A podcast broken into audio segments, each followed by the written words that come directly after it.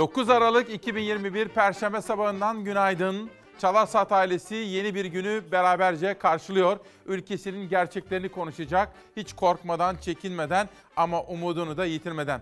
Bugün İsmail Küçükkaya ile Demokrasi Meydanı'nda ortak derdimiz diyorum.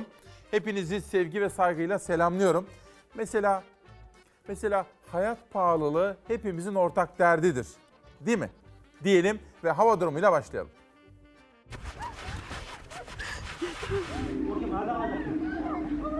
Doğuda kar yağışı bastırdı, güneyde beklenen kuvvetli sağanak su baskınlarına neden oldu.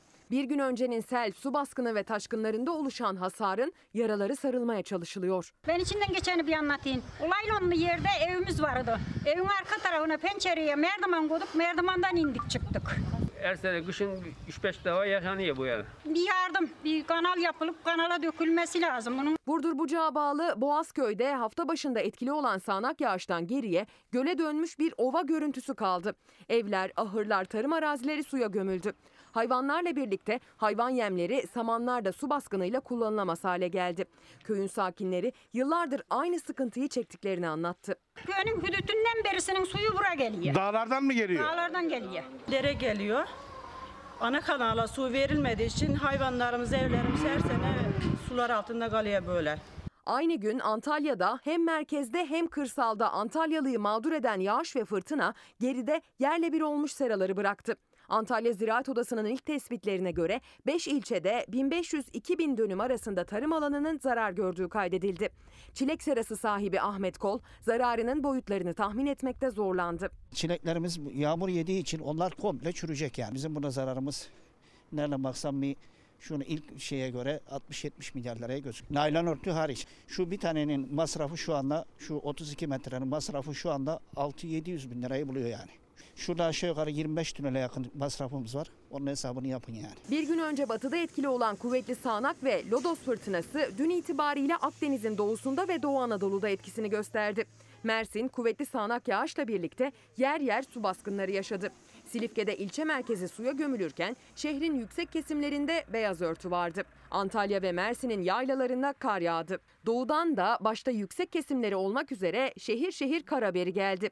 Kars, Ardahan, Erzincan, Erzurum, Bingöl, Hakkari Yüksekova, Kayseri Erciyes kar yağışının etkili olduğu başlıca adreslerdi. Özellikle gece saatlerinde lapa lapa yağan kar, kar topu severleri sokağa döktü. Kars'ta sokaklarda kar topu savaşı neşesi yaşandı.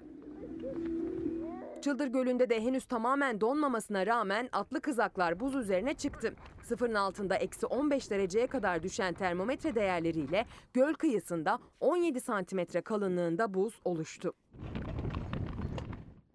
Bugün ortak derdimiz dedik. Yoksulluk, hayat pahalılığı ortak derdimiz. Öyle değil mi efendim?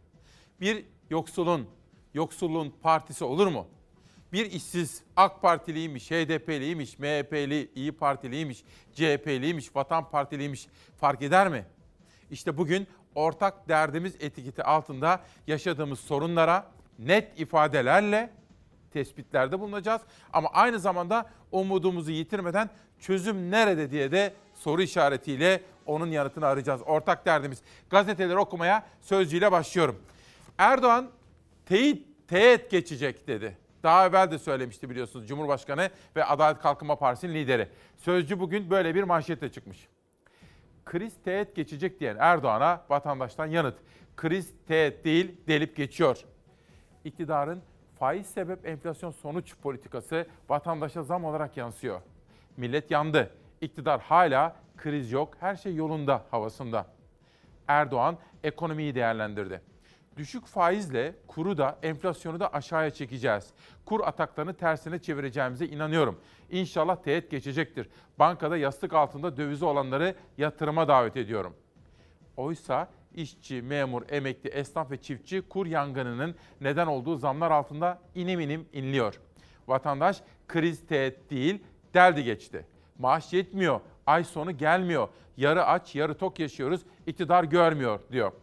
Bugün Sözcü gazetesinin birinci sayfa editörleri sokaktaki geçim feryadı başlığı altında bazı yurttaşlarımızın görüşlerini yansıtmışlar birinci sayfalarında. Okuyalım. Konya'dan Mahsun Özçelik bir işçi. neye elimizi atsak ateş pahası bu mu teğet geçmek derken Elazığ'dan bir esnaf Leyla Yıldırım esnaf ölüyor ne teğeti her geçen gün daha çok borç oluyor ifadeleriyle görüşlerini yansıtırken Mustafa Ahlat Bursa'dan bir çiftçi kriz teğet falan geçmedi doğrudan vatandaşa çarptı diyerek görüşlerini ifade ediyor. Mustafa Kocabaş emekli Bursa'dan bu nasıl teğet geçmek 100 liraya dolan file 250'ye dolmuyor derken Özcan Pulat da Mersin'den bir esnaf olarak kriz resmen deldi geçti. Durum çok vahim zamlardan bunaldık. Efendim gün geçmiyor ki ben sizlere sabah günaydın derken hastalarımıza şifa temennisinde bulunurken zam haberi vermeyeyim.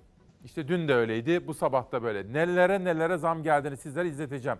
Biraz evvel sizlerle buluşmak için hazırlanırken kuaför kardeşlerim Halit dedi ki mesela, abi dedi çocuğum bir devlet okuluna gidiyor. Bir toz 8 lira olur mu? Çocuğa her gün 20 lira kim verebilecek diye sorarken hemen onun yanındaki Dilek kardeşim de dedi ki bir yumurta olmuş 2 lira. Hayat pahalılığı ortak derdimiz öyle değil mi?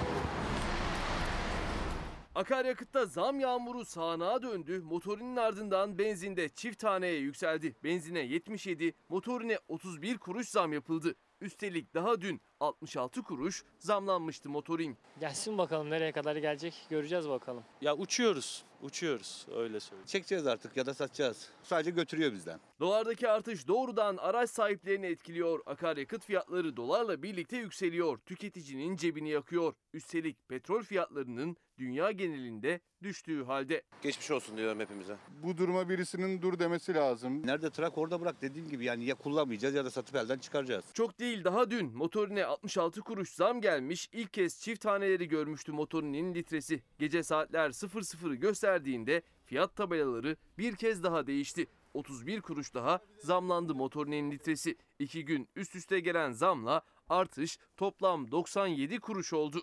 İstanbul'da ortalama 10 lira 33 kuruşa satılmaya başlandı motorinin litresi. Eşim söyledi benzin az zam gelecekmiş dedi. Öyle geldim benzin aldım. 340'a fulliyordum. Şu anda herhalde 500'e falan fullleyeceğim diye hissediyorum. Açıkçası çok korkuyorum. Herhalde toplu taşıma kullanacağız böyle giderse. Benzinde de takvim yaprakları 8 Aralık'tan 9 Aralık'a döndüğü anda fiyatlar değişti. 77 kuruş zamlandı benzin. Benzinde ilk kez çift haneye ulaştı. İstanbul'da ortalama 10 lira 32 kuruşa yükseldi. Bu vatandaşın haline yazık ya. Ne kadarlık almaya geldiniz? 50 liralık 100 liralık. Ne yapalım abi? Çalıştırmazsan olmuyor. Arabanın içinde çoluk var çocuk var. Gelen büyük zamlarla motorinin litresi yalnızca 2 ayda 3 lira artmış oldu. 2 aylık zam oranı ise %40'ı geçti. Benzindeki artışsa 2 ayda %32,5'a çıktı. Sonumuz belli abi binemeyecek. Artık arabalar kitleyip evde oturacak. Benzin düne göre bir depoda ortalama 38 lira daha fazlaya, motorin ise 2 gün önceye göre ortalama 48 lira daha fazlaya doluyor artık. Ortak derdimiz dedik ya efendim. Bu haberi hazırlayan ve piyasalardaki gelişmeleri takip eden Zafer Söken kardeşim de bir baba, yeni, Allah bağışlasın bir bebekleri var. Sorun bakalım bebek maması, bebek bezi kaç liraya? İşte ortak derdimiz hayat pahalılığı diyorum. Sözcüden milliyete geçiyorum. Peki hükümet ne diyor acaba? Hükümetin başı Sayın Erdoğan stokçunun malına el koyacağız diyor.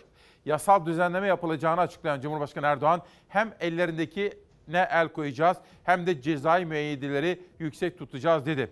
Bugün pek çok gazetede Erdoğan'ın sözleri manşetlerde. İlerleyen dakikalarda farklı gazete manşetlerinden de bunları sizlere aktarmaya gayret edeceğim. Efendim ve Pencere gazetesine geçiyorum. Dedik ya bebek maması. Bugünlerde markete gittiğiniz zaman bebek mamalarının kilit altında olduğunu görebilirsiniz. Dün işte bu konudaki gelişmeler mecliste kürsüye yansıdı. Okuyalım pencereden. Bebek maması kilitli satılıyor. Ne bütçesi konuşuyoruz. Yokluk ve yoksulluk Türkiye Büyük Millet Meclisi kürsüsündeydi dün. Müteahhitlerin dövizli garantilerinin aksatılmadan ödendiği, işçinin, memurun, emeklinin, esnafın sırtından beslenen bütçesi görüşülürken, CHP'li Çetin Arık, kürsüye market raflarında çalınmasın diye kilitli tutulan mamayla çıktı. Bu bütçe milletin bütçesi olsaydı bebek maması kilit altına alınır mıydı? Böyle bir ülkede hangi bütçeyi anlatayım diye sordu efendim. İşte bugün mecliste dün yaşananları da bütün detaylarıyla sizlere aktaracağım. Bebek maması kilit altında satılıyor öyle mi? İşte bu bizim ortak derdimiz. Değerli milletvekilleri, benim ülkemde çocuk maması kilit altına alınmışken ben nasıl bilim ve teknolojinin bütçesini konuşabilirim? Biz bu bütçe milletin bütçesi değil, sarayın bütçesi deyince hep birlikte hop oturup hop kalkıyorsunuz. Bu bütçe milletin bütçesi olsaydı yeni doğan bebeğin maması kilit altına alınır mıydı hiç? Sizlerden gelen yorumlara da bakacağım efendim. Bugün çok farklı haberlerimiz var ve İzmir'den de bir konuğum geliyor sizlerle buluşmak üzere. Ve İzmir demişken Ege'den önce bir Akdeniz'e geçelim. Günaydın İsmail Bey size Mersin'de kitabımı Coğrafi İşaretler, Gastronomi, Turizmi ve Bölgesel Kalkınma bu kitabı takdim etmiştim diyor. Kardeşimize de buradan kooperatifleşmeyi önemsediğimizi bir kere daha hatırlatalım. Bu kooperatif toplantısında tanıştığım bir kız kardeşimdi efendim. Pencereden yeni çağa geçelim. Ortak dert, geçim sıkıntısı ve zamlar. Vatandaşın sorunlarını birinci elden dinleyip yerinde tespit etmek için yurt gezilerini ara vermeden sürdüren İyi Parti Genel Başkanı Meral Akşener'e Manisa ziyaretinde de aynı şikayetler sıralandı. Pahalılık, geçim zorluğu, işsizlik, ticaretin durma noktasına gelmesi bütün bunlar bizim hepimizin ortak derdi. Dün Manisa'da tabii konuştum oradaki arkadaşlarla. Çok kalabalığa seslenmiş Meral Akşener. Meral Akşener Manisa'dayken onun Millet İttifakı'ndaki ortağı CHP lideri Kılıçdaroğlu da Gaziantep'e gitti. Her iki liderden manşetleri, Erdoğan'dan manşetleri aktardığım kuşakta peş peşe sizlerle konuşmaya gayret edeceğim efendim. Günaydın Türkiye'm. Ortak derdimiz dediğimiz bugün de notlarıma bir bakacağım. Koronadan Türkiye Cumhuriyeti'nde dün 8 Aralık'ta bir tek günde 192 yurttaşımız can kaybı ile karşı karşıya kaldı. Yani şöyle düşünün.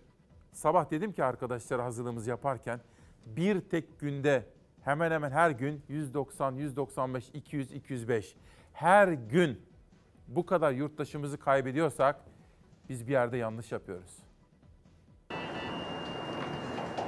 Şu anki tablo da normal bir tablo değil ki biz şimdi bunu normalleştirmiş gibi yaşıyoruz. Yani düşünsenize her gün bu ülkede 200 tane insan ortalama engellenebilir bir bulaşıcı hastalık nedeniyle yaşamını yitiriyor.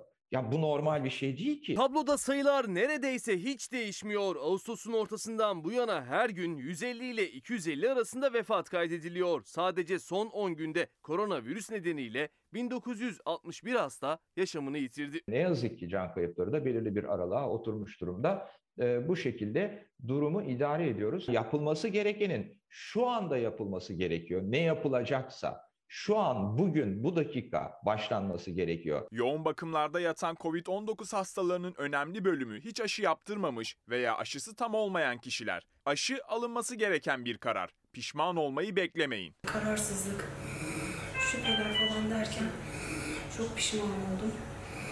Lütfen ihmal etmeyin aşınızı. Kocaeli'de yaşayan 28 yaşındaki Yasemin Yavuz 30 gün boyunca entübe edildi. Nefesini cihazda alabildi. İyileşmesi 2,5 ay sürdü. O aşı pişmanlığı yaşarken salgında aşısızlar arasında dolaşıyor. Çünkü hala Türkiye'de nüfusun ancak %59'u çift doz aşısını yaptırdı. %40'tan fazlası risk altında. %40-45 civarında hastalık da zaten onların arasında hızla yayılmaya ve can kayıplarına da devam ediyor. En büyük risk yeni varyant Omikron. Dünya Sağlık Örgütü 57 ülkeye sıçradığını duyurdu. Almanya'da en yüksek vefat kaydedildi. Bir günde 527 kişi virüse yenik düştü. Yine ölümlerin 500'e ulaştığı Polonya'da kamu çalışanlarının büyük bir kısmına aşı zorunluluğu getirildi. Kapanma kararları alındı. Türkiye'de ise sayılarda iniş çıkış yok. Açıklanana göre Omikron'da yok. O yüzden henüz önlem yok. Önümüzdeki süreçte yaşayacağımız salgın genel olarak aşısızların salgını olacak. Eğitim, sağlık, piyasalar, zamlar, ekonomi. ve bununla birlikte siyaset, siyasetteki gelişmelere de bakacağız. Bugün ana gündem maddelerimiz olacak efendim. Tabii şöyle anketler çoğalmaya başladı. Önceki gün Ahmet Şık da bana bunu söylüyordu. Bir dönemin sonu geliyor dedi Ahmet Şık. Ne dedim? Yeni araştırmalarda Adalet ve Kalkınma Partisi'nin oyu 30'ların altına düştü. İlk defa ikinci parti durumuna geldi diyordu. Ahmet bazı anketlerden bahsediyordu. Bakın şimdi manşet olmaya başlamış. Yöneylem araştırmadan seçim anketi AKP ilk kez birinci parti konumunu yitirdi. Millet İttifakı'nın oy oranı Cumhur İttifakı'nın 7.7 puan önünde diyor. Şimdi ben tabii bilemem kim iktidara gelir gider ama Ankaralı bir gazeteci olarak, bir muhabir olarak şunu biliyorum. İktidarları rahmetli Demirel'in de sıklıkla ifade ettiği gibi evdeki tencere getirir, götürür. Bilemem. Hayatınızdan memnunsanız şöyle yapacaksınız. AK Parti'nin o oy mühründe mührüne böyle basacaksınız ve devam edeceğiz. Yok hayatınızdan memnun değilseniz başka alternatiflere bakacaksınız. Pek çok alternatifiniz var. Kararı siz vereceksiniz. Biz vermeyeceğiz. Yani ne yaşıyorsunuz ve neden yaşıyoruz? Bunları dikkatle takip edeceksiniz ve halkın iradesi tecelli edecek daima. Demokrasiye inanmamızın arkasında işte bu var. Yeni Çağ'dan bir Türk Gün gazetesine geçelim. Sonra bir de Cumhuriyet'e bakacağım. Cumhuriyet'te TÜİK'le ilgili bir haber var. TÜİK'e demişler ki işçinin aylık asgari geçimini hesaplayın. Ya TÜİK ne demiş? Cumhuriyet'ten birinci sayfadan bunun haberini sizlere sunacağım. Ama önce Türk Günü'ne bir bakalım. Cumhurbaşkanı Erdoğan'dan stokçuluk yapanlara sert tepki. Mallarına el koyacağız. Düşük faiz politikasıyla kuru ve enflasyonu aşağı çekeceklerini belirten Cumhurbaşkanı Erdoğan stokçuları uyardı. Hem cezaları ağırlaştıracağız hem de ellerindekine el koyacağız. Tepelerindeyiz dedi efendim. Türk günden sonra şimdi Cumhuriyet'e geçelim. Şimdi bunu biraz sonra okuyacağım. Siyasi bölüm. Bunu bir küçültelim. Arkadaşlarımdan rica edeceğim. Şurayı bir sizlere aktarmalarını istiyorum. Bu da değil, bu da değil, bu da dursun. Heh. Şöyle aşağı siz dolun oraya. Kim var bugün? İsmail abim var orada. Hemen bardağı alayım. Görüş açınızı açalım. Teşekkür ederiz arkadaşlar. İrfan sağ ol kardeşim. TÜİK ayak diriyor. Üzerimize kalıyor diyerek işçinin aylık asgari geçim tutarını hesaplamadı. Bakalım neymiş. %50'lerde seyreden enflasyonu %21.3 olarak hesapladığı için eleştirilen Kılıçdaroğlu'nu kapıdan çeviren TÜİK, Asgari Ücret Tespit Komisyonu'nda işçinin aylık asgari geçim tutarını üzerimize kalıyor diyerek hesaplamak istemedi. İşveren de işçinin aleyhine olan bu çıkışta TÜİK'le ağız birliği yaptı diyor. İşte bu çok konuşulması gereken konulardan biri. Bugün size yurttan haberler aktaracağım gayet tabii ki. Diyarbakır'dan Mersin'e, Uşak'tan Trakya'ya kadar hatta Zonguldak Ereğlisi'ne götüreceğim. Ama önce Bursa'da bir kardeşimizi kaybettik efendim. Acı bir haber. Bursa'mıza sabır ve başsağlığı diliyoruz. İddiaya göre alkol almışlardı. Doğum günü kutlamasının ardından da otomobille eve dönüyorlardı. 22 yaşındaki genç doğum gününde trafik kazasında can verdi.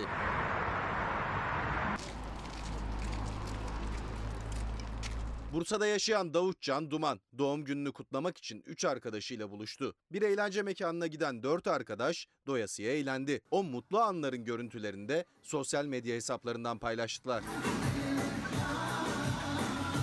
Dört arkadaş doğum günü partisi sonrası evlerine dönmek için araçlarına bindi. Ancak iyi başlayan gece korkunç bir kazayla son buldu. Saat 2.30 sularıydı. Alim O'nun kullandığı hafif ticari araç iddiaya göre aşırı hız nedeniyle kontrolden çıktı. Araç yaklaşık 50 metre savrularak bariyerlere çarptı. Çarpışmanın etkisiyle takla attı. Ardından metro istasyonunun yaya alt geçidine uçtu.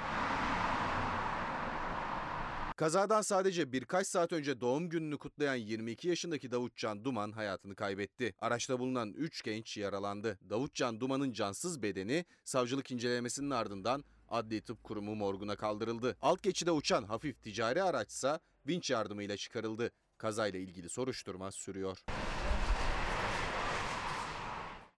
Trafiğe çok fazla yurttaş, çok fazla can veriyoruz efendim maalesef. Ercan Büyükkaya, ortak derdimiz gelir dağılımındaki adaletsizlik, eşitlik istemiyoruz ama dağılımda hakkaniyetli olmalı. İşte bakın bu önemli bir mesaj efendim. Ata Kayyumoğlu diyor? Yeni seçim anketlerine Suriyeliler, Afganlar da dahil ediliyor mu? Edilmiyor ise sonuçlar gerçekçi değil diyerek görüşlerini bizlerle paylaşmış efendim. Dün Ümit Özdağ hocamız buraya gelmişti. Mülteciler konusunda bir takım önemli açıklamalarda bulunmuştu hatırlayacaksınız. Şimdi gelelim Selda Güneysu'nun manşeti Cumhuriyet'ten. İyi Parti, CHP lideri Kemal Kılıçdaroğlu'nun Cumhurbaşkanlığı adaylığını tartışıyor. Kazanacağına inanırsa destekleriz. İyi Partili Koray Aydın'ın Kılıçdaroğlu'nun olası adaylığı ile ilgili herkes idealist davranmalı, nefis zamanı değil, kazanamama riski olan birini kabul etmiyoruz sözleri tartışılıyor. İyi Parti'de Abdullah Gül ve Kemal Derviş'in adaylığına kapılar kapalıyken Kılıçdaroğlu'na sıcak bakılıyor. İyi Parti kurmayları Kılıçdaroğlu'nun olası adaylığıyla gündem yarattığını belirterek ciddi bir aday profili çiziyor. Bize göre bu oluşan profilden sonra resme bakacak. Eğer o resimde kendisi kazanabilecek noktadaysa adaydır. Biz de o zaman böyle bir durumu isteriz diye görüş bildirdi. Şu özel bilgiyi de vereyim bu olaydan sonra. Tabii bütün liderlerle görüşmeye çalışıyorum ya. Kılıçdaroğlu'yla Akşener henüz Cumhurbaşkanı adayımız şu olsun diye konuşmadılar. En son aşamada konuşacaklar. Kılıçdaroğlu benim anladığım doğru ise Akşener ona siz aday olun derse olur. Olacak. Ama kazanıp kazanmayacaklarına bakacaklar. Benim görebildiğim kadarıyla dört aday var. Dört aday. Kılıçdaroğlu, Akşener, İmamoğlu, Mansur Yavaş. Sürpriz bir isim beklemiyorum onu söyleyeyim. Bu dördünden biri her ne kadar Meral Akşener ben aday değilim dese de son güne kadar ne olacağını bilemeyiz. Ama bildiğimiz şu Akşener'le Kılıçdaroğlu oturacak. Diğer dostlarıyla da kafa kafaya verecekler. Kimin kazanacağına ikna olurlarsa onu aday yapmaya çalışacaklar. Benim bir gazeteci olarak bütün bu görüşmelerden sonra edindiğim izlenim bu yönde efendim. Ve Adalet Kalkınma Partisi lideri Cumhurbaşkanı Erdoğan'ın sözleri. Düşük faiz ve dengeli kur ile üretimi ve istihdamı adım adım daha ileriye taşıyacağız. Kabine toplantısı sonrası bir kez daha düşük faiz mesajı verdi Cumhurbaşkanı Erdoğan. Yine bir kez daha yastık altında dövizi olanlara seslendi. Bankada, yastık altında, kasasında parası, özellikle de dövizi bulunan bireylere ve kurumlara da bir çağrı yapmak istiyorum. Herkesi yatırım, istihdam, üretim, ihracat temelleri üzerine inşa ettiğimiz yeni ekonomi politikamızın getirdiği fırsatları değerlendirmeye davet ediyorum. Dün toplanan Bakanlar Kurulu'nun en önemli gündem maddelerinden biri ekonomide yaşanan gelişmelerdi. Çarşıda, pazarda sürekli artan fiyatlar, geçim sıkıntısı. Cumhurbaşkanı ciddiyetle takip ediyoruz dedi. Fahiş fiyat artışları konusundaki her şikayeti dinliyor, her sıkıntıyı ciddiyetle takip ediyoruz. Yeni ekonomik model üzerine de konuştu Erdoğan bir müddet sonra rahatlama hissedilecek diyerek. Hep söylüyorum.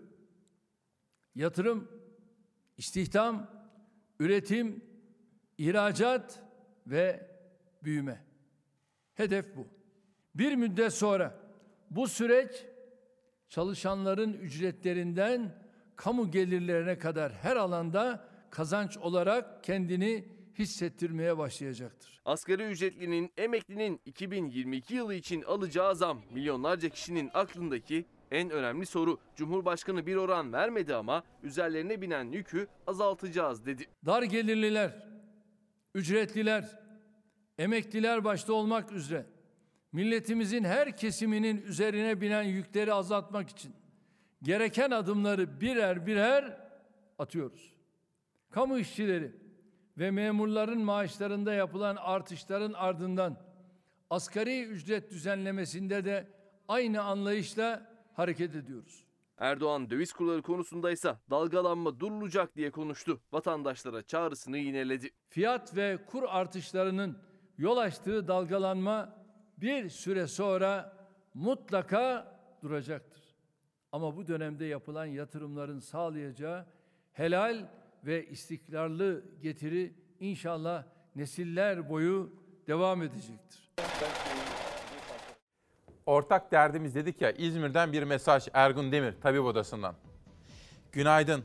Ortak derdimiz ameliyat olmayı bekleyen vatandaşların ortak derdi. Hastalanan vatandaşlar kamu hastanelerinde muayene olabilmek için bazı branşlarda yan dallarda merkezi hekim randevu sisteminde günlerce randevu alamıyorlar. Ortopedi ve omurga cerrahisi ameliyatlarda kullanılan tıbbi malzemeler kamu, üniversite ve devlet hastanelerinde bulunamıyor. Hastalar ameliyat olamıyor diyor efendim bakın. Hastaneler demişken Fulya Öztürk'le de haberleştim. Fulya Öztürk tabii önceki gün daha iyiydi. Dün bir parça daha rahatsız oldu. Korona tedavisi devam ediyor. Test yaptırdı. Yeniden hasta olduğu ortaya da çıktı. Zaten hastanede tedavisi devam ediyor. Ama durumum bir parça daha iyi diyor. İlgilenenlere, dua edenlere de teşekkür ediyor.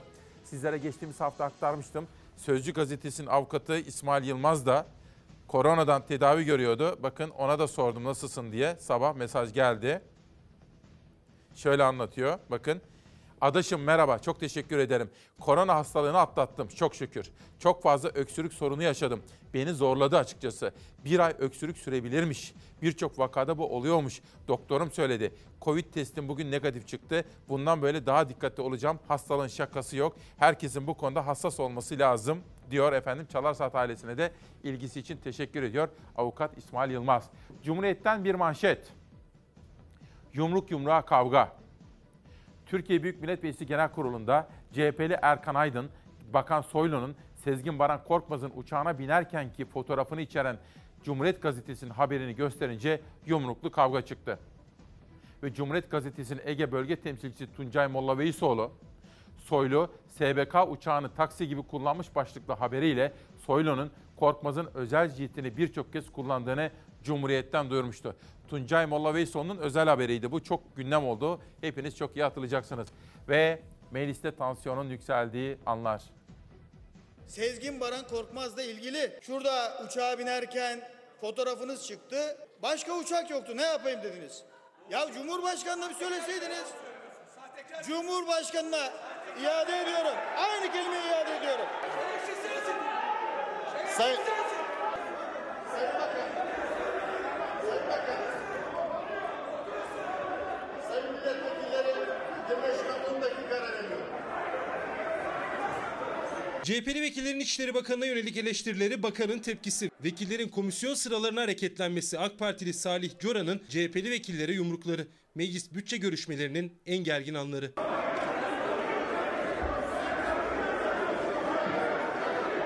Uyuşturucu satan seni ziyaret eder. Pudra şekeri çeken sana uğrar. Todex vurguncusunun yolu sana düşer. Bu nasıl bakanlık Sayın Bakan? İçişleri Bakanlığı bütçe görüşmeleri Süleyman Soylu'nun 7 ay önce dile getirdiği Sedat Peker'den ayda 10 bin dolar alan siyasetçi var sözlerini de hatırlattı muhalefet. Mafyadan her ay 10 bin dolar harçlık alan milletvekili kim? Bunu söyleyeceksiniz. Eğer açıklamazsanız bu işin ya müfterisi ya da müştereki olursunuz. İkinci başlık Firari Sezgin Baran Korkmaz'dı. Korkmaz'ın yurt dışına kaçmadan bir gün önce İçişleri Bakanı'yla bakanlıkta makamında görüştüğü iddiası. Sezgin Baran Korkmaz'ın kaçırılmasını devlet kararıdır diye açıkladınız, ifade ettiniz. Bu millet sizin yalanlarınıza alıştı Sayın Bakan. Devletin Birkaç hafta önce de İçişleri Bakanı Soylu'nun Sezgin Baran Korkmaz'ın uçağına bindiği ana ilişkin fotoğraflar gündeme gelmişti. CHP'li Erkan Aydın o fotoğrafı hatırlatınca bakanın da tepkisi yükseldi. Sezgin Baran Korkmaz'la ilgili şurada uçağa binerken fotoğrafınız çıktı. Başka uçak yoktu. Ne yapayım dediniz? Ya Cumhurbaşkanı'na bir söyleseydiniz. Cumhurbaşkanı'na iade ediyorum. Aynı kelimeyi iade ediyorum. Sayın Bakan lütfen. Bakan işte görsün. Bütün Türkiye nasıl bir bakan olduğunu. Sayın, sayın, sayın, sayın milletvekilleri, sayın bakan, sayın... O anları Meclis TV yayınlamadı ama CHP'li milletvekilleri Soylu'nun sözleri karşısında ayaktaydı. İçişleri Bakanı'nın bulunduğu komisyon sırasına yöneldiler. AK Partililer koşarak araya girdi. Yumruklu tekmeli kavga yaşandı. AK Parti Grup Başkan Vekili ve bazı milletvekilleri Soylu'nun önünde set kurdu. AK Parti Trabzon Milletvekili Salih Coran'ın yumruklarıyla genel kurul arenaya döndü.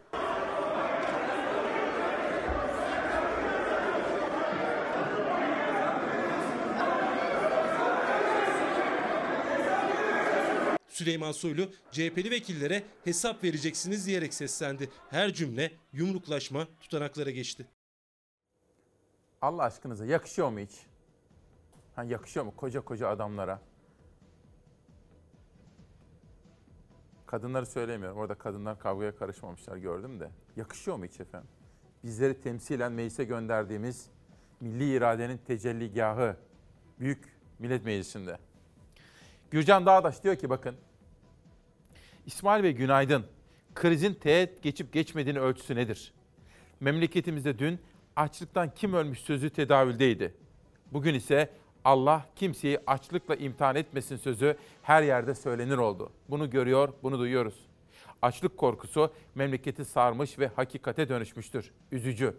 İşte siyaset sınıfının, iktidar sınıfının bunu görüp anlaması gerekiyor. Diyarbakır'a bakalım. Yenişehir Ziraat Odası Başkanı Süleyman İskenderoğlu. İsmail Bey günaydın. Ortak derdimiz tarımdır. Maliyetler arttı. Gübre, mazot. Sayın Cumhurbaşkanı stokçuluk ile mücadele edelim diyor.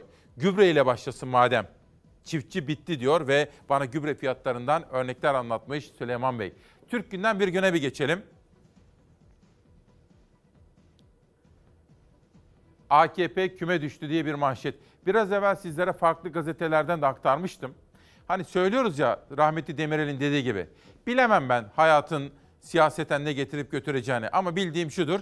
İktidarları gerçekten de rahmetli Demirel'in dediği gibi evdeki tencere getirir götürür. Yön Eylem Soruşturma Sosyal Araştırmalar Merkezi tarafından hazırlanan Türkiye Siyaset Paneli Kasım ayı araştırmasına göre AKP ilk defa ikinci parti olarak ölçüldü.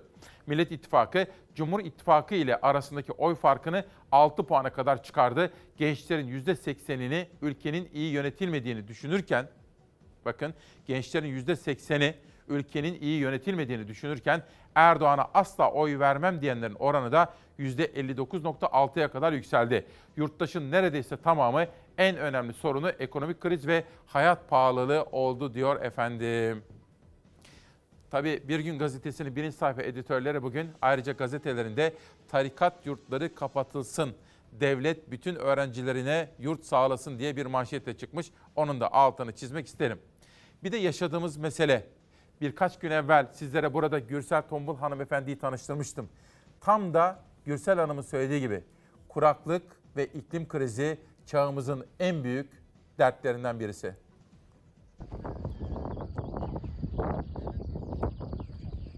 Şu anda gördüğünüz gibi aşağıda yaklaşık bir 10-15 metrelik bir çukur var. Çölleşme nedeniyle oluşan obruk sayısı 2000'in üzerine çıktı. Tamamen kurumuş göllerden gelen çatlamış toprak görüntüsü çölleri hatırlattı. Yağışlar başladı ama mevsim normalleri seviyesini yakalayamıyor. Ya da yağdığı zaman öyle kuvvetli yağıyor ki faydadan çok zarara yol açıyor. Muğla'da olduğu gibi. Yağın yağışın çok önemli bir kısmı e, yüzeysel akışla e, havza çıkışında taşkınlara dönüşmekte. Ege ve Akdeniz'de Ağustos ayında yaşanan orman yangınları bugün yağışın sel olup akmasına, toprağı önüne katmasına sebep oluyor. Bodrum ve Marmaris ilçelerinde yaşanan kuvvetli sağanak yağışlarda yağışın sele dönmesini orman yangınlarında ağaçların yok olmasına bağlıyor uzmanı. Geçtiğimiz cumartesi etkili olan kuvvetli sağanak sonrası yaşanan selde Marmaris içmelerden yaklaşık 200 kamyon balçık çıkarıldı. Vatandaşlar daha önce hiç böyle bir şey yaşanmadığını anlattı. Orman yangınları sonucu meydana gelen kül, dal, tomruk ve ben- benzeri malzemeyi akış aşağısına taşıyarak kentsel alanlarda taşkınlara ve su baskılarına yol açmaktadır. Doçent Doktor Ceyhun Özçelik, yangınlarla kaybedilen orman dokusunun en kısa sürede onarılması gerektiğini vurguladı. Şehirlerin altyapısının kuvvetli yağışa hazırlanması gerektiğini. Konya Teknik Üniversitesi Obruk Uygulama ve Araştırma Merkezi Müdürü Profesör Doktor Fethullah Arıksa, Konya Ovası'nda oluşan obruk ve benzeri çökmelerin sayısının 2000'in üzerine çıktığını belirtti. Günümüzde olan obrukların büyük bir çoğunluğu yeraltı seviyesinin düşümüne de bağlı olarak tarım alanları, yerleşim alanları, enerji yatırım alanları gibi daha çok risk oluşturacak olan noktalara doğru gelmeye başladı. Üstelik obruklar eskisi gibi sadece dağlık alanlarda değil, tarlalarda, yerleşim yerleri yakınlarında görülüyor artık. Yer altındaki jeolojik oluşumlara müdahale şansımız yok diyen Arık, yapılacak tek şeyin obruk oluşumuna neden olan yeraltı su kullanımındaki dengesizliği ortadan kaldırmak olduğunu söylüyor. Evlere, araçlara, ağırlara zarar veren obruklar var. Avlan Gölü ise neredeyse tamamen kurudu. Antalya Elmalı ilçesindeki göl sıtmayla mücadele için 1970'li yıllarda drenajla kurutuldu. Sıtma salgını bitince ise iş işten geçti. Bu süreçte yağışlar da azaldı. Göldeki kuraklık Elmalı Ovası'ndaki tarımı kötü etkiliyor. Aynı zamanda balık popülasyonu ve göçmen kuşlar için de bir yuva olmaktan çıktı avlan. Bu gölde ördekler, garamekederler e, genel adıyla simsiyah kuş olurdu bu gölün üstü. Şimdi maalesef e, bunlar kayboldu. İşte bu konuya her sabah dikkat çekmeye çalışıyoruz efendim. Tabii kültürden, sanattan bahsedeceğim. Biraz sonra Nazan Kesal, yaralarım aşktandır diyor. Genco Erkal ne diyor? Bakacağız. İşte Gülten İmamoğlu'nun sergisi var. Bunun dışında efendim ödül törenleri var. Mesela bir spor insanı, bir gönül insanıydı rahmetli Mustafa Koç. Onun onuruna verilen ödül kime gidiyor acaba? Ayrıca meslektaşım Timur Soykan ve Ankara'dan o güçlü kadın Ankara Mimar Odası Başkanı Tezcan Karakuşcan'dan ve Faruk Çebi hangi ödülleri aldılar sizlere onlardan da bahsetme imkanı bulacağım. Ve sırada Ses Gazetesi var Aydın'dan. Artan yem fiyatları şartel indirtti. Koçarlı'da 7 yıldır besledikleri tavuklardan yumurta üretimi yapmaya başlayan ziraat mühendisi Havva Girişken ve Zülfikar İstek kardeşler üretimi durdurdu. Bu kadar maliyetlerle biz daha fazla nasıl üretim yaparız dediler efendim. Aydın'dan Diyarbakır'a geçiyorum. Besicilerle ilgili bir haber okuyacağım. Besiciler desteklenmese et ithal eden ülke oluruz diyor. Diyarbakır Kasaplar ve Besiciler Odası Başkanı Hacı Atlı ile yapılan bir röportaj Diyarbakır'da Yeni Gün gazetesinin manşetinde. Sizlere bir de çocuklarımızla ilgili güzel bir gelişme için Zonguldak Ereğli'ye götüreceğim şimdi.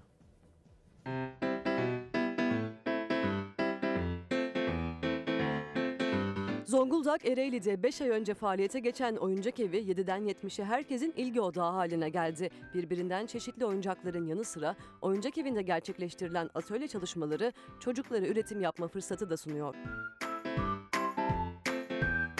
Ereğli'deki oyuncak evi eğer müze olursa Türkiye'de bulunan 13. oyuncak müzesi olacak. Ereğli Belediye Başkanı Halil Posbıyık oyuncak evinin müze olması için girişimleri başlattıklarını duyurdu. Oyuncak evinin çocukların gelişimindeki önemini anlattı.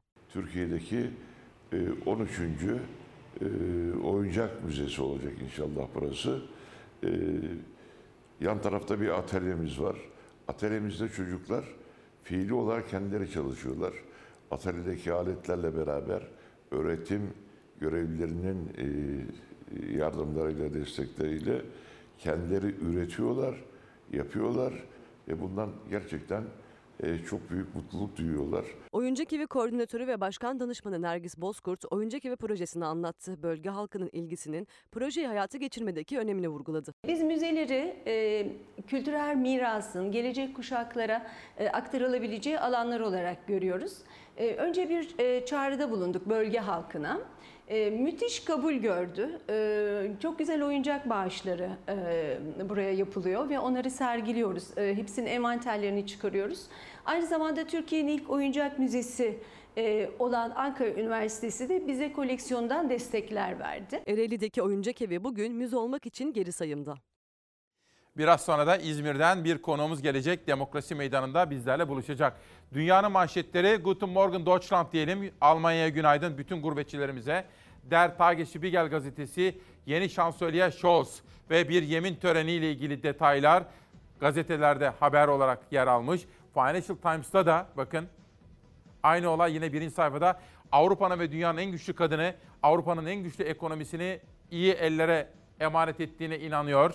Merkel çok güçlü bir kadındı, başarılı bir kadındı ve tabii Scholz aynı zamanda zorlu görevler de üstlendi. Haberin içerisinde Türkiye kökenli Almanya'da yeni bir bakan da var. Cem Özdemir'in yemin ettiği detay da haberimizin içinde. Alman meclisinde seçilerek görevi Merkel'den devraldı. Olaf Scholz artık Almanya'nın yeni şansölyesi. Finlandiya'nın başbakanı Sanna Marin'in gece kulübünde görülmesi tepki topladı. Çünkü genç başbakan temaslıydı. Özür diledi ancak Marin'e istifa baskıları sürüyor. Dünyada siyaset dengeleri 2022'de nasıl değişecek merak konusu. Almanya'da 16 yıllık Merkel dönemi sona erdi. Kurulan üçlü koalisyon yönetimi devraldı. Olaf Scholz ve bakanlar Alman meclisinde yemin ederek resmen göreve başladı. Almanya Cumhurbaşkanı Steinmeier yeni kabineyi atadı. Bakanlar arasında kadın erkek sayısındaki eşitlikle Almanya tarihinde bir ilk yaşandı. Olaf Scholz başbakanlığındaki yönetimde tam 8 kadın bakan yer alıyor. Bakanlar arasında bir de Türk siyasetçi var. Cem Özdemir Tarım Bakanı olarak kabinede yerini aldı. Frau Präsidentin, ich schwöre es. Vielen Dank, herzlichen Glückwunsch und alles Gute für Ihre Aufgabe. Olaf Scholz Merkel'e çiçek uzatarak başarılarından dolayı teşekkürlerini sundu. Merkel de Scholz ve ekibine başarılar diledi. Pandemi, ekonomik kaygılar, enerjide arz talep dengesinin bozulması, Merkel döneminde Maliye Bakanı olan yeni şansölye Olaf Scholz'tan beklenti büyük. Scholz'un ilk iş olarak zorunlu işi görüşeceği öngörülüyor. Finlandiya'nın Başbakanı Sanna Marin genç yaşına rağmen siyaset sahnesinde başarılarından dolayı hep övgü topladı. Bugün övgü yerine tepkiye bıraktı. Başbakan Sanna Marin'in koronavirüs kapan bir bakanla temaslı olduğu için karantinada olması gerekiyordu ancak kendisi gece kulübünde zaman geçirmeyi tercih etti. Marin'in ihmalkarlığı tepki çekti. Kendini savunan başbakan karantina mesajı almadığı için dışarı çıktığını söyledi ancak Finlandiya'da tepkiler dinmedi. Özür dileyen başbakan daha düşünceli davranmalıydım dese de üzerindeki istifa baskıları devam ediyor. Peki bu özel sabahta biz neleri konuşacağız? İşte bakın bir, eğitim diyeceğiz.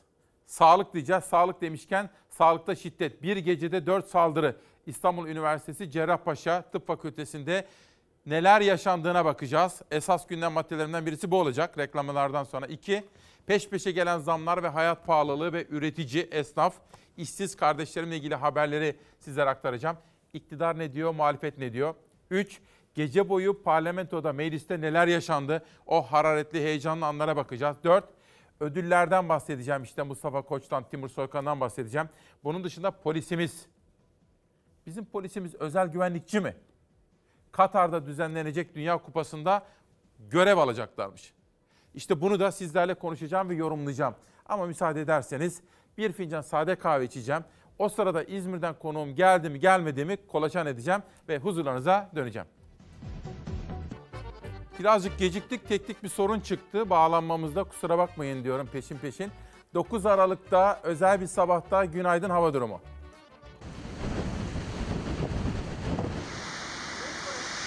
Doğuda kar yağışı, Karadeniz kıyılarında sağanak yağmur, Ege Denizi'nde ve kıyısında lodos fırtınası var bugün.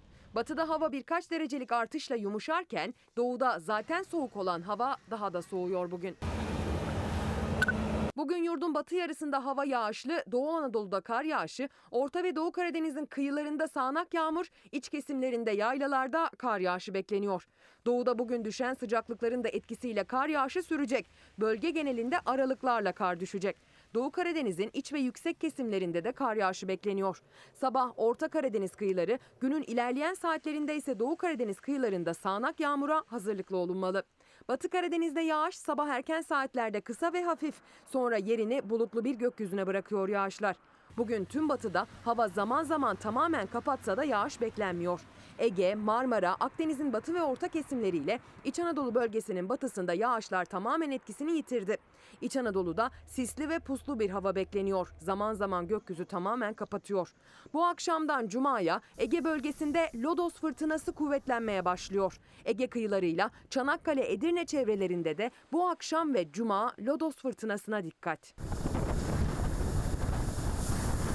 Cuma günü Marmara ve Ege'de lodos peşinden yağmuru getirecek. Marmara'da Trakya'dan, Ege'de kıyı kesimlerden başlayarak yağış iki bölgeyi de zamanla tamamen etkisi altına alacak. Cuma batıdaki yağışlar zaman zaman kuvvetli sağanak yağmur şeklinde düşebilir tedbirli olunmalı.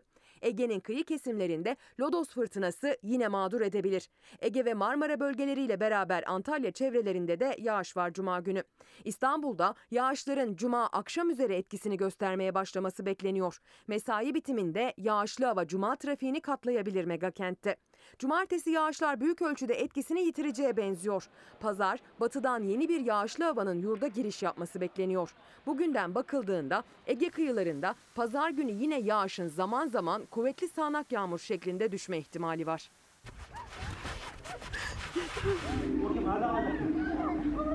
Doğuda kar yağışı bastırdı, güneyde beklenen kuvvetli sağanak su baskınlarına neden oldu. Bir gün öncenin sel, su baskını ve taşkınlarında oluşan hasarın yaraları sarılmaya çalışılıyor. Ben içinden geçeni bir anlatayım. Olaylanlı yerde evimiz vardı. Evin arka tarafına pencereye merdiven koyduk, merdivandan indik çıktık. Her sene kışın 3-5 defa yaşanıyor bu yani. Bir yardım, bir kanal yapılıp kanala dökülmesi lazım bunun. Burdur Bucağa bağlı Boğazköy'de hafta başında etkili olan sağanak yağıştan geriye göle dönmüş bir ova görüntüsü kaldı. Evler, ahırlar, tarım arazileri suya gömüldü. Hayvanlarla birlikte hayvan yemleri samanlar su baskınıyla kullanılamaz hale geldi. Köyün sakinleri yıllardır aynı sıkıntıyı çektiklerini anlattı. Köyün hüdütünden berisinin suyu bura geliyor. Dağlardan mı geliyor? Dağlardan geliyor. Dere geliyor. Ana kanala su verilmediği için hayvanlarımız, evlerimiz her sene sular altında kalıyor böyle. Aynı gün Antalya'da hem merkezde hem kırsalda Antalyalı'yı mağdur eden yağış ve fırtına geride yerle bir olmuş seraları bıraktı. Antalya Ziraat Odası'nın ilk tespitlerine göre 5 ilçede 1500-2000 dönüm arasında tarım alanının zarar gördüğü kaydedildi. Çilek serası sahibi Ahmet Kol zararının boyutlarını tahmin etmekte zorlandı. Çileklerimiz yağmur yediği için onlar komple çürüyecek yani. Bizim buna zararımız nereden baksam bir şunu ilk şeye göre 60-70 milyar liraya gözüküyor. Naylon örtü hariç. Şu bir tanenin masrafı şu anda şu 32 metrenin masrafı şu anda 6-700 bin lirayı buluyor yani. Şurada aşağı yukarı 25 tünele yakın masrafımız var. Onun hesabını yapın yani. Bir gün önce batıda etkili olan kuvvetli sağanak ve lodos fırtınası dün itibariyle Akdeniz'in doğusunda ve Doğu Anadolu'da etkisini gösterdi. Mersin kuvvetli sağanak yağışla birlikte yer yer su baskınları yaşadı. Silifke'de ilçe merkezi suya gömülürken şehrin yüksek kesimlerinde beyaz örtü vardı. Antalya ve Mersin'in yaylalarında kar yağdı. Doğudan da başta yüksek kesimleri olmak üzere şehir şehir kar haberi geldi. Kars, Ardahan, Erzincan, Erzurum, Bingöl, Hakkari, Yüksekova, Kayseri, Erciyes kar yağışının etkili olduğu başlıca adreslerdi. Özellikle gece saatlerinde lapa lapa yağan kar, kar topu severleri sokağa döktü. Kars'ta sokaklarda kar topu savaşı neşesi yaşandı. Çıldır Gölü'nde de henüz tamamen donmamasına rağmen atlı kızaklar buz üzerine çıktı. Sıfırın altında eksi 15 dereceye kadar düşen termometre değerleriyle göl kıyısında 17 santimetre kalınlığında buz oluştu. Bugün 9 Aralık Dünya Yolsuzlukla Mücadele Günü'nde özel bir buluşmada İsmail Küçükkaya ile Demokrasi Meydanı'ndasınız. Ortak derdimiz değil mi? Manşetimiz bu. Ve sizi dün geceye götüreceğim. Parlamentoda Süleyman Soylu, Özgür Özel ve milletvekillerinin karıştıkları bir tartışma. Yakışıyor mu hiç? Şehit ailelerini, kahraman Mehmetçiği, kahraman polisi ayakta alkışlar mısınız deyip kendi ayakta alkışlanıyormuş çakallığını yapana alet olmayın.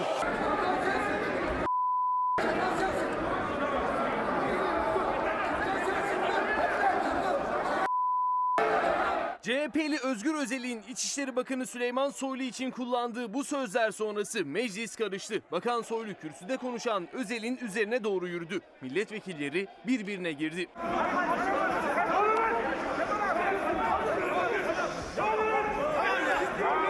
Mecliste bütçe görüşmeleri devam ediyor. Dün gündüz saatlerinde de tansiyon yüksekti. O gerilim gece saatlerine de yansıdı. Önce İçişleri Bakanı Soylu ve HDP'li vekiller arasında arttı tansiyon. Siz, siz insanları, çocukları anasız babasız bıraktınız. Siz, siz PKK'nın oyuncağısınız ve uşağısınız. Hepiniz, hepiniz Kürt kardeşlerimize çektirdiklerin hesabını vereceksiniz, kaçamayacaksınız. Kaçamayacaksınız. HDP'li vekiller İçişleri Bakanı'nı ellerinde dövizlerle protesto etti. Soylu da kürsüden HDP'lileri hedef aldı. Kürtler, Kürtler sizden nefret ediyor. Kürtler sizden nefret ediyor. Kürtler sizden nefret ediyor. Gerilimi tırmandıransa CHP'li Özgür Özel'in İçişleri Bakanı'nı hedef alan sözleri oldu. Çakallığını yapana alet olmayın. Sayın, sayın, sayın Özel bu söylediklerinizi geri alın. Bu, bu sözünüzü geri alın. Arkadaşlar oturur musunuz? Sayın Özel bu ifadeniz kabul edilemez. Bu sözler üzerine Süleyman Soylu oturduğu yerden kalktı kürsüye doğru yöneldi.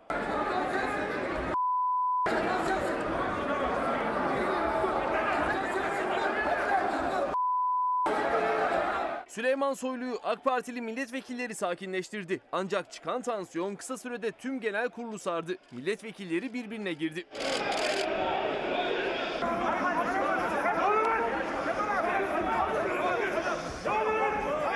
Gece boyu süren gerginlik sonrası İçişleri Bakanı Süleyman Soylu ve CHP'li Özgür Özel birbirinden şikayetçi olacaklarını açıkladı.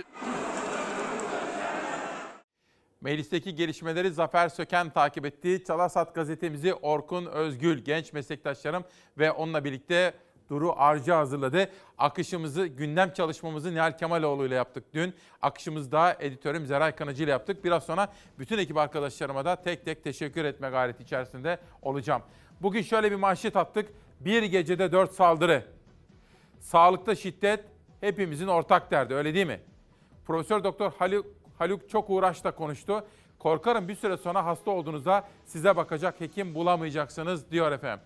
Gerçekten de bu sabahki etiketimizle seslenecek olursak sağlıkta şiddet ortak derdimiz. Daha mesleklerinin başına e, başında bu kadar olumsuzluklarla karşılanan karşılaşan genç hekimlerden nasıl bir performans beklenebilir? Korkarım bir süre sonra hasta olduğunuzda size bakacak hekim bulamayacaksınız. Sağlık çalışanlara yönelik şiddet son bulmuyor. Bu kez şiddetin adresi İstanbul. Nöbet tutan asistan doktor arkadaşlarımız bir gecede dört kez sözlü saldırılara, ağır küfürlere ve ölüm tehditlerine maruz kalmışlardır. Bu ne ilktir, korkarım ne de son olacaktır. Türkiye'nin en köklü üniversite hastanelerinden biri Cerrahpaşa Tıp Fakültesi Hastanesi. Binlerce doktorun yetiştiği koridorlar bu kez şiddete tanıklık etti. Sırada beklemek istemeyen hasta yakınları çocuk acil servisinde nöbet tutan asistan doktorlara saldırdı. Daha mesleklerinin başına e, başında bu kadar olumsuzluklarla karşılanan karşılaşan genç hekimlerden nasıl bir performans beklenebilir? Korkarım bir süre sonra hasta olduğunuzda size bakacak hekim bulamayacaksınız. Daha geçtiğimiz günlerde yaptıkları beyaz yürüyüşte taleplerini sıralamıştı sağlıkçılar. Taleplerinin en başındaydı kendilerine yönelik şiddete karşı önlem alınması. Artık tüm sağlık çalışanları için olağan hale gelen bu durum asla kabul edilemez. Hekimlere ve tüm sağlık emekçilerine yapılan bu saldırıları şiddetle kınıyoruz. Seslerini duyuramadıklarından şikayetçiler. Önlem alınmazsa mesleklerini yapamamaktan endişeli sağlıkçılar. Burada oluşan kuyruklarda bekleme sırası da beklemek istemeyen bazı hastalarımızın direkt polikliniğimize dalarak içeride hasta muayenesi varken çok ağır hakaretler etmeleri, üstümüze yürümeleri gibi çok sayıda olay yaşandı üst üste. Ve biz bütün gece sabaha kadar hasta bakmaya devam ettik bunları yaşarken. Sağlıkçılarımızın yükü zaten çok ağır. Onlara ne kadar teşekkür etsek az ama biz bunu yapmıyormuşuz. Bunun dışında bu da yetmezmiş gibi sağlıkta şiddet uygulanıyor. Çok ayıp. Sırada hepimizi ilgilendiren bir haber var. Şöyle, resmi enflasyon rakamları var ya, %20'nin biraz altında. Sayın Cumhurbaşkanı'na tabii hükümetin başı olduğu için seslenmiştik. Kısmen duyuldu o ses. Dedik ki, Sayın Cumhurbaşkanımız, sizin elinizde bir yetki var. Yönettiğiniz hükümet, başında olduğunuz hükümet bize TÜİK'in açıkladığı resmi enflasyon rakamlarının %20'nin biraz altında olduğunu söylüyor. Peki, kabul. Ama o zaman yine sizin yönettiğiniz hükümetin vergilere, harçlara getirdiği %36, neredeyse iki katı. Resmi enflasyonun neredeyse iki katı kadar artan bir oranda zam var. Dolayısıyla sizlerin biz yurttaşları düşünerek resmi enflasyon oranında zam yapmanızı bekliyoruz. Yetkinizi kullanır mısınız demiştik. Kısmen duyuldu. Motorlu taşıtlar vergisinin ilk taksidi Ocak'ta ödenecek ya. Kısmen duyuldu. Yeniden değerlendirmedeki detaylara dikkat edin. Ama şöyle diyelim. Yetmez ama evet. Yeniden değerleme oranının bazı vergi harç ve cezalara yansıtılması halinde Sayın Cumhurbaşkanı'nın bu yeniden değerleme oranını yansıtırken indirme ve arttırma yetkisi bulunmaktadır. %36,2 olarak açıklanan yeniden değerleme oranında Cumhurbaşkanı bir kalemde indirim yetkisini kullandı. Motorlu taşıtlar vergisinde yeniden değerleme oranını %25'e düşürdü. Ancak diğer vergi, harç ve cezalarda yeniden değerleme oranında bir indirim yapılmadı. Yeni yılda devlet alacağı vergi ve harçlar için zam oranını %36,2 olarak belirledi. Yani %21 olarak açıklanan enflasyonun çok üzerinde bir oranla devlet alacaklarında artırıma gitti. Yeniden değerleme oranında indirim yetkisi Cumhurbaşkanı'nda Erdoğan o yetkiyi de motorlu taşıtlar vergisinde kullandı. 2022 yılı için MTV'deki yeniden değerleme oranını %25'e indirdi. Ki bu bile açıklanan resmi enflasyonun 4 puan üzerinde. Cumhurbaşkanı diğer vergi, harç ve cezalarda bir indirim yetkisi kullanmadı yeniden değerlemede. Yani MTV hariç diğer kalemlerde artış %36,2 olacak. Bu da örneğin B sınıfı ehliyet harcına 300 lira zam demek. Cezalar da artacak yeni yılda. Emniyet kemeri kullanmamanın cezası 144 liradan 196 liraya, kırmızı ışıkta geçmek ya da cep telefonuyla konuşmanın cezası da 427 liraya yükselecek. Vatandaşın ücretleri, gelirleri sahte enflasyon olan %20'ye göre artacak. Vergiler ve cezalar gerçek enflasyon olan %36,2'ye göre artacak. Sırada çok çarpıcı bir haber var hayatın içinden. O diyalogları duymanızı, sonrasında yaşananları da fark etmenizi istiyorum. Bodrum'la ilgili bir haber. Ama önce bakın benim normal her hafta seçtiğim çiçeklerin dışında keşke şu kokuyu da sizlere aktarabilsem. İzmir'den geldi efendim. Akıllı, duyarlı, üreten, teşkilatçı bir kadın, güçlü bir kadın. Eşi aracılığıyla bana bunu göndermiş. Eşi getirdi. Hanımefendiden dedi. İzmir'den bir kadın. Ona da hikayesini biraz sonra anlatır, anlatırken teşekkür edeceğim efendim. Eşi biraz sonra bizlerle birlikte olacak zaten. Ve işte gazetelerin manşetleri, ortak derdimiz. Karar Gazetesi'nin manşeti bugün. Körfez dönüşü İsrail mesajı. Ankara'nın Mısır'la başlattığı sil baştan diplomasisi Birleşik Arap Emirlikleri ile normalleşme hamlesiyle devam etti. Son eskiye dönüş sinyali ise Tel Aviv için geldi. Cumhurbaşkanı Erdoğan böyle bir süreç İsrail ile ilgili de niye olmasın? Bölge barışı için bunu isabetli buluruz, hayırlı buluruz.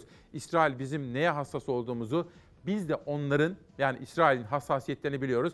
Dolayısıyla bu hassasiyetlerden hareketle işi çözeriz dedi. Erdoğan'ın bu sözleri kararda manşet. Milli Gazete'ye geçtiğim zaman çok kıymetli, bizim çok kıymetlimiz Türk lirasına ilişkin üzücü bir manşet. Paramız pul, ülkemiz pazar oldu. Saadet Partisi Genel Başkanı Temel Karamollaoğlu, partisinin genel merkezinde düzenlediği haftalık basın toplantısında ekonomik gelişmelere değinerek iktidara geldiklerinde yapacaklarını sıraladı.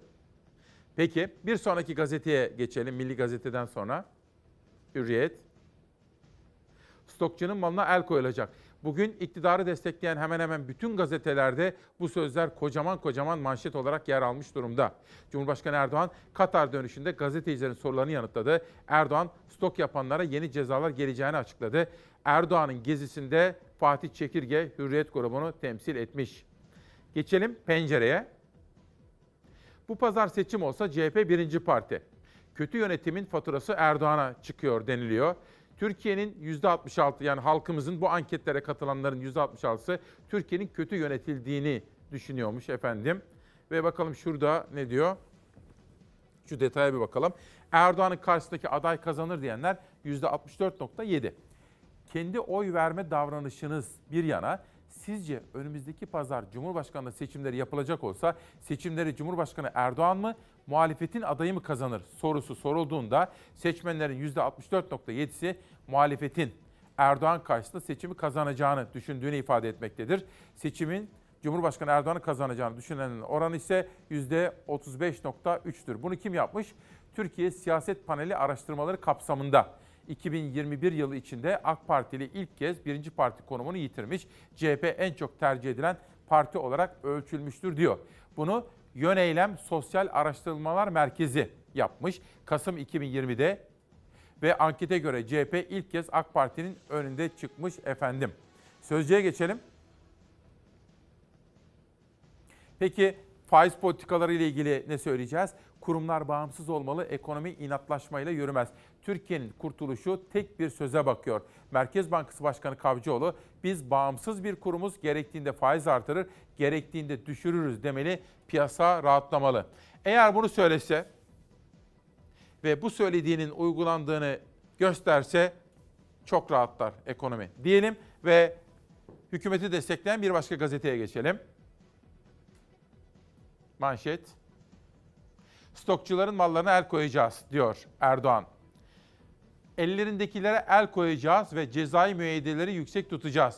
Dün biliyorsunuz Körfez ülkelerine yaptığı temaslardan sonra kendisine eşlik eden gazetecilerin sorularını yanıtladı. Adalet ve Kalkınma Partisi lideri ve Cumhurbaşkanı Recep Tayyip Erdoğan. Bir sonraki gazeteyi rica edeyim. Bir Gün Gazetesi'nden bir detay. Bugün Bir Gün Gazetesi birinci sayfa editörleri tarikat cemaat yurtları kapatılsın. Çocuklarımızın tamamı devletimizin yurtlarında kalabilsin.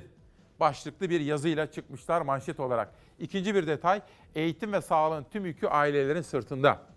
TÜİK'in 2020 yılına yönelik yayımladığı sağlık ve eğitim harcamaları istatistikleri yükün ailelerin sırtına yüklendiğini ortaya çıkardı. Geçen sene eğitime 270 milyar 921 milyon lira harcandı. Eğitim harcamalarının %74.7'sini devlet finanse ederken ailelerin eğitim harcamaları 2011 yılına göre %2.4 yükseldi diyor. O halde şimdi emekçiyiz, çalıştık alın teriyle böyle. Kutsal kazancımızı yaptık, ekmeğimizi aldık. Ama üstümüz kirli olabilir. Üstümüz kirli ama yüreğimiz temiz, yüreğimiz. Haksız değilim ben. Bu benim iş elbisem. Bu elbise, sen Bu bu, elbiseyle, bu pantolonla bu koltuğa oturamazsın. Neden oturamazsın? Bence oturabilir beyefendi. Hayır efendim, hayır efendim. Hayır, oturabilir Oturabilir beyefendi. İş kıyafetleriyle minibüse bindi ancak boş koltuklara oturamadı. Kıyafetlerin kirli diyerek yolcusunun oturmasına izin vermeyen şoförün davranışına başka bir yolcu tepki gösterdi. Cık cıklayıp durma akşam akşam bak. Benim düşmeyelim. iş Haksızsan haksız. Haksız değilim ben. Görüntüler Muğla'nın Bodrum ilçesinden işten çıkan bir işçinin haksız değilim diye bağırmasının sebebi minibüs şoförü tarafından koltuğa oturmasına izin verilmemesi. O anlar bir yolcu tarafından görüntülendi. Aynı yolcu şoföre tepki gösterdi. Bu elbise, sen bu elbiseyle, bu pantolonla bu koltuğa oturamazsın. Neden oturamazsın? Bence oturabilir beyefendi. Hayır efendim, hayır efendim. Hayır, oturabilir beyefendi. Kirli kirli siz de geleceksiniz. Beni niye çekiyorsun? Gelirsen beni de almak zorundasın. Beyefendi işçi oturmak zorunda. Ne Allah Allah. Yarın geldiği zaman bu koltuk kirli dediği zaman beni şikayet ediyorsun ama. Nasıl Ben şikayet etmiyorum. Ben bayanla konuşuyorum. Ben şikayet etmiyorum. Görüyor musun yani? Şimdi durduk yerde savaş çıkardın arabanın. Ben savaş çıkarmıyorum. Beyefendi oturacak. Görüntüler basında yer aldıktan sonra Muğla Belediyesi minibüs şoförü Sayit Demir'in şoför kartını iptal etti. Demir'i koruyansa koltuğa oturmasına izin vermediği işçi Hasan Duman oldu. Arkadaş işten atılmış. Ee, buradan belediye başkanımıza ricada bulunmak istiyorum. Eğer şahıs e, bana karşı olan bu tepkisinden dolayı atıldıysa, sadece sebep buysa şahıstan da e, belediyemizden de çok özür dilerim. E, böyle bir sıkıntı yaşandığı için. Lütfen arkadaşa geri işine iade etsinler. Çünkü işsizliğinde işsiz kalmanın da ne demek olduğunu çok iyi bilirim. Minibüs şoförü Sayit Demir işçi Hasan Duman'ın elbisesinde boya olduğu için tepki gösterdiğini söyledi. Hasan Dumansa boyacı değilim fayans ustasıyım kıyafetlerim de çok kirli değildi dedi. Ancak şoförün işinden olmasına üzüldüğünü söyledi. Minibüs şoförünün asıl tepkisi ise görüntüyü çeken yolcuya oldu. Arkadaşımız arabaya bindi. Arkaya doğru giderken hanımefendi tekrar fırladı. Vay efendim ben işçiyi niye almıyorum diye. Benim ben yıllardan beri işçilik yapan bir insanım. Asgari ücretle geçinen bir insanım. Bu meslekten emekli olan bir insanım. İşçi olan bir insan işçiye karşı nasıl nasıl kötü davranır? Bence oturabilir beyefendi. Hayır efendim hayır. Ne diyelim? TÜİK ayak diriyor. Mustafa Çakır'ın Cumhuriyet'teki haberi. Üzerimize kalıyor diyerek işçinin aylık asgari geçim tutarını hesaplamadı. Bu çok önemli bir haber efendim. Onun için dikkatinizi istirham edeceğim. Lütfen. %50'lerde seyreden enflasyonu %21.3 olarak hesapladığı için eleştirilen, Kılıçdaroğlu'nu kapıdan çeviren TÜİK, Asgari Ücret Tespit Komisyonu'nda işçinin aylık asgari geçim tutarını üzerimize kalıyor diyerek hesaplamak istemedi. İşveren de işçinin aleyhine olan bu çıkışta TÜİK'le ağız birliği yaptı. Bu takip edilmesi, üzerinde durulması gereken temel hususlardan birisi. Bir sonraki gazeteye geçelim.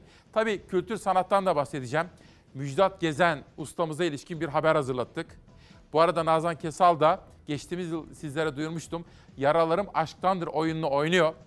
Ve önümüzdeki günlerde Beylikdüzü AKSM'de de bu oyun yeniden gösterime giriyor efendim. Kültür sanatla ilgili Genco Erkal'ın da yeni oyunu var. Her birini sizlere anlatma gayreti içerisinde olacağım. Kültür sanat demişken rahmetli Mustafa Koç ödülleri de bu akşam sahibini buluyor. Çok merak ediyorum. Bu vesileyle gazeteci arkadaşım Timur Soykan, Ankara Mimar Odası Başkanı Tezcan Karakuş Can'dan ve Faruk Çebi de Şeffaflık Örgütü'nün ödüllerini aldılar. Onlarla da gurur duyuyorum efendim. Rapor gelir eşitsizliğini çok net ortaya koydu gün boyu. Küresel nüfusun en zengin %10'u küresel gelirin %52'sini alırken en yoksul yarısı %8'ini kazanıyor. Türkiye'de en zengin %10, gelirin %54,5'unu alıyor diyor efendim. İşte bu konu saadet liderinin de gündeminde. Yani sorunun adını iki başlıkla söyleyelim. Daha doğrusu iki kelimelik tek başlık. Gelir adaletsizliği. Geçtiğimiz hafta Suriye Halk Meclisi'nin Hatay hakkında yapmış olduğu açıklama son derece yersiz ve hadsiz bir açıklama olmuştur. Bölgemizde Rusya ve Amerika Birleşik Devletleri gibi ülkelerin gölgesine sığınarak o ülkelerin taşeronluğunu yapmak adına böylesi bir çıkış yapmak en çok da bu çıkışı yapan ülkelerin zararına olacaktır. İktidarın Suriye özelinde ve bölgemiz gelenliğinde uyguladığı yanlış politikaları biz eleştirdik ve eleştiriyoruz da. Ancak Türkiye'nin Suriye'de bulunma gerekçeleriyle Hatay'ın 82 yıl önce ana vatana katılımını kıyaslamak gibi bir mantık hatasına da kimse düşmemelidir. Suriye meselesinin kalıcı ve sağlıklı çözümü ise ancak ve ancak Türkiye'nin içinde olacağı, böylece katkı vereceği bir formülle mümkündür. Her iki ülkede bu mantıkla hareket etmeli. Emperyalist devletlerin planları üzerinden bir senaryoda figüran olmayı bir kenara bırakarak bir araya gelip kalıcı çözüm için konuşmaya başlamalıdır. Her iki ülke en az zarar, en çok fayda ile çıkacağı bir formül için birlikte gayret göstermelidir. Türkiye turuna çıkacağız. İlk turda Aydın ve Diyarbakır gazetelerini okumuştum. Sıra geldi vatandaşa Edirne. Vatan geminin malları Bulgar'a pazar oluyor. Bir süredir sizlere duyurmaya çalıştığımız Türk lirasının aşırı değer kaybından sonra Bulgaristan'dan Edirne'ye kırklar eline gelip de alışveriş yapanların yaşadıkları. Bu da Veli Ağbaba'nın gündeminde. Urfa'ya geçelim. Tarım ülkesiyiz, dışarı muhtaç olduk. Yeni zam şampiyonu un diyor bakın. Fırıncı İsmail Urumdaş ve Reşit Bozyol'la yapılmış bir röportaj burada yer almış durumda. İzmir'e geçelim. Evet efendim, İzmir Büyükşehir Belediye Başkanı Tunç Soyer bizimle birlikte demokrasi meydanına katılıyor. Saatler tam 9.30'da. Merak ettiğim çok soru var. Mesela birincisi, Mersin'deki Kılıçdaroğlu'nun ilk mitingine katılan 4 belediye başkanından birisi. İzlenimlerini soracağım. Tunç Bey, Tunç Bey diyeceğim. Sizce Kılıçdaroğlu adaylığa mı koşuyor? Birinci soru bu olsun. İki, İzmir'deki kültür sanattan tiyatrolar başladı. Bundan bahsedeceğim. Fuarlardan bahsedeceğim. Üç, depremzedeler bizim hakkımızı vermediler diyor. Bakanlığa seslerini duyuramadıklarından yakınıyor. Ve dört, halk ekmek İzmir'de durum nedir diye soracağım Tunç Soyer'e. Peşin peşin söyleyeyim. Yeni bakış. Kademeli ile Ege'ye zam. Şebnem Seçkin Uğurlu'nun sözleri var burada. Sercan Özipekçi yapmış haberi. Kademeli ile Ege'ye zam. EMO İzmir Şube Başkanı Uğurlu, kademeli tarifeyle vatandaşların faturalarının düşmeyeceğini, ısınmada yoğun olarak klima kullanan Ege'lilerinde elektrik faturalarının daha da kabaracağını söyledi efendim. Sırada Babacan'ın bir sözü var ama önce bakın çevre haberleri. Bu zehrin etkisi yıllarca sürer. Bu da Gökay Başcan'ın bir gündeki haberi. Giresun'da bulunan maden ocağındaki çökme sonucu kimyasal atıkların toprak ve suya karışmalarına karşı uzmanlar uyarıyor. Kirlilik büyük bir alana yayıldı ve uzun yıllar sürecek tarım yapmak mümkün değil. Bugün Bir Gün Gazetesi'ni ziyarete gideceğim. Hem Timur Soykan'ı kutlayacağım hem oradaki arkadaşlarla bir gün geçirmeye çalışacağım efendim. Sizlerin de selamlarını söyleyeceğim Bir Gün Gazetesi'nin emekçilerine. Sözcü zam zam zam, zamlar yağmur gibi diyor. Vatandaş her gün yapılan yeni zamlara uyanıyor. Dün benzine, sigaraya ve tuvalet kağıdına zam geldi diyor. Gerçekten de öyle. Bir de kaybımız var efendim. spor dünyasından, iş dünyasından Cemal Aydın.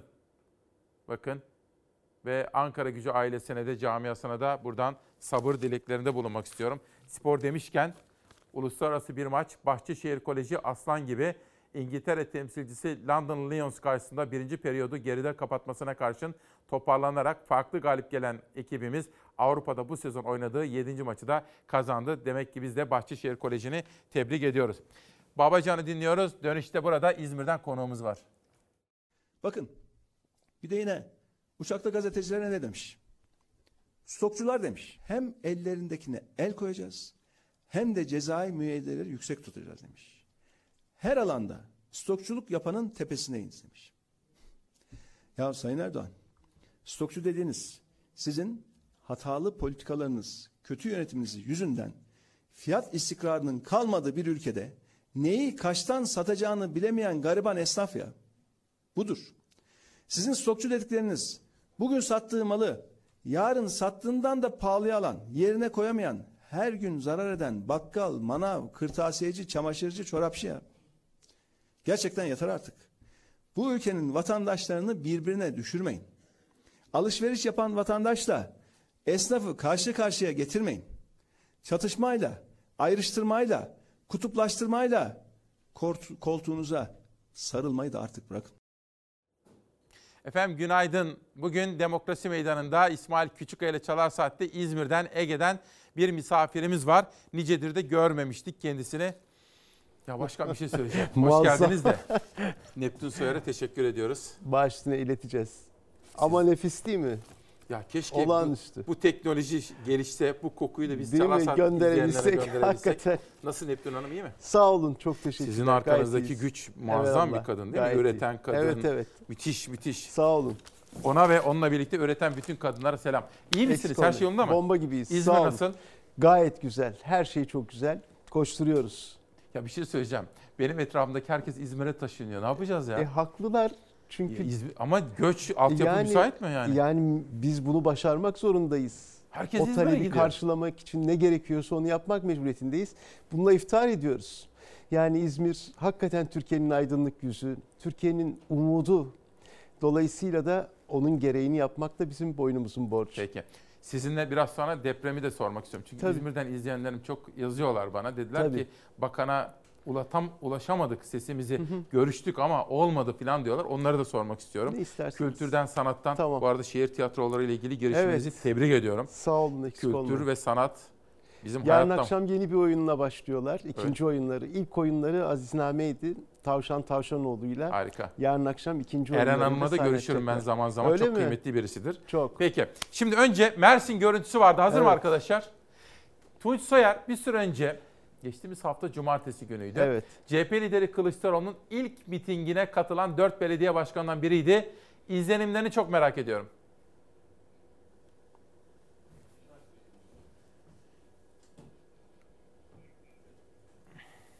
Ver çabuk.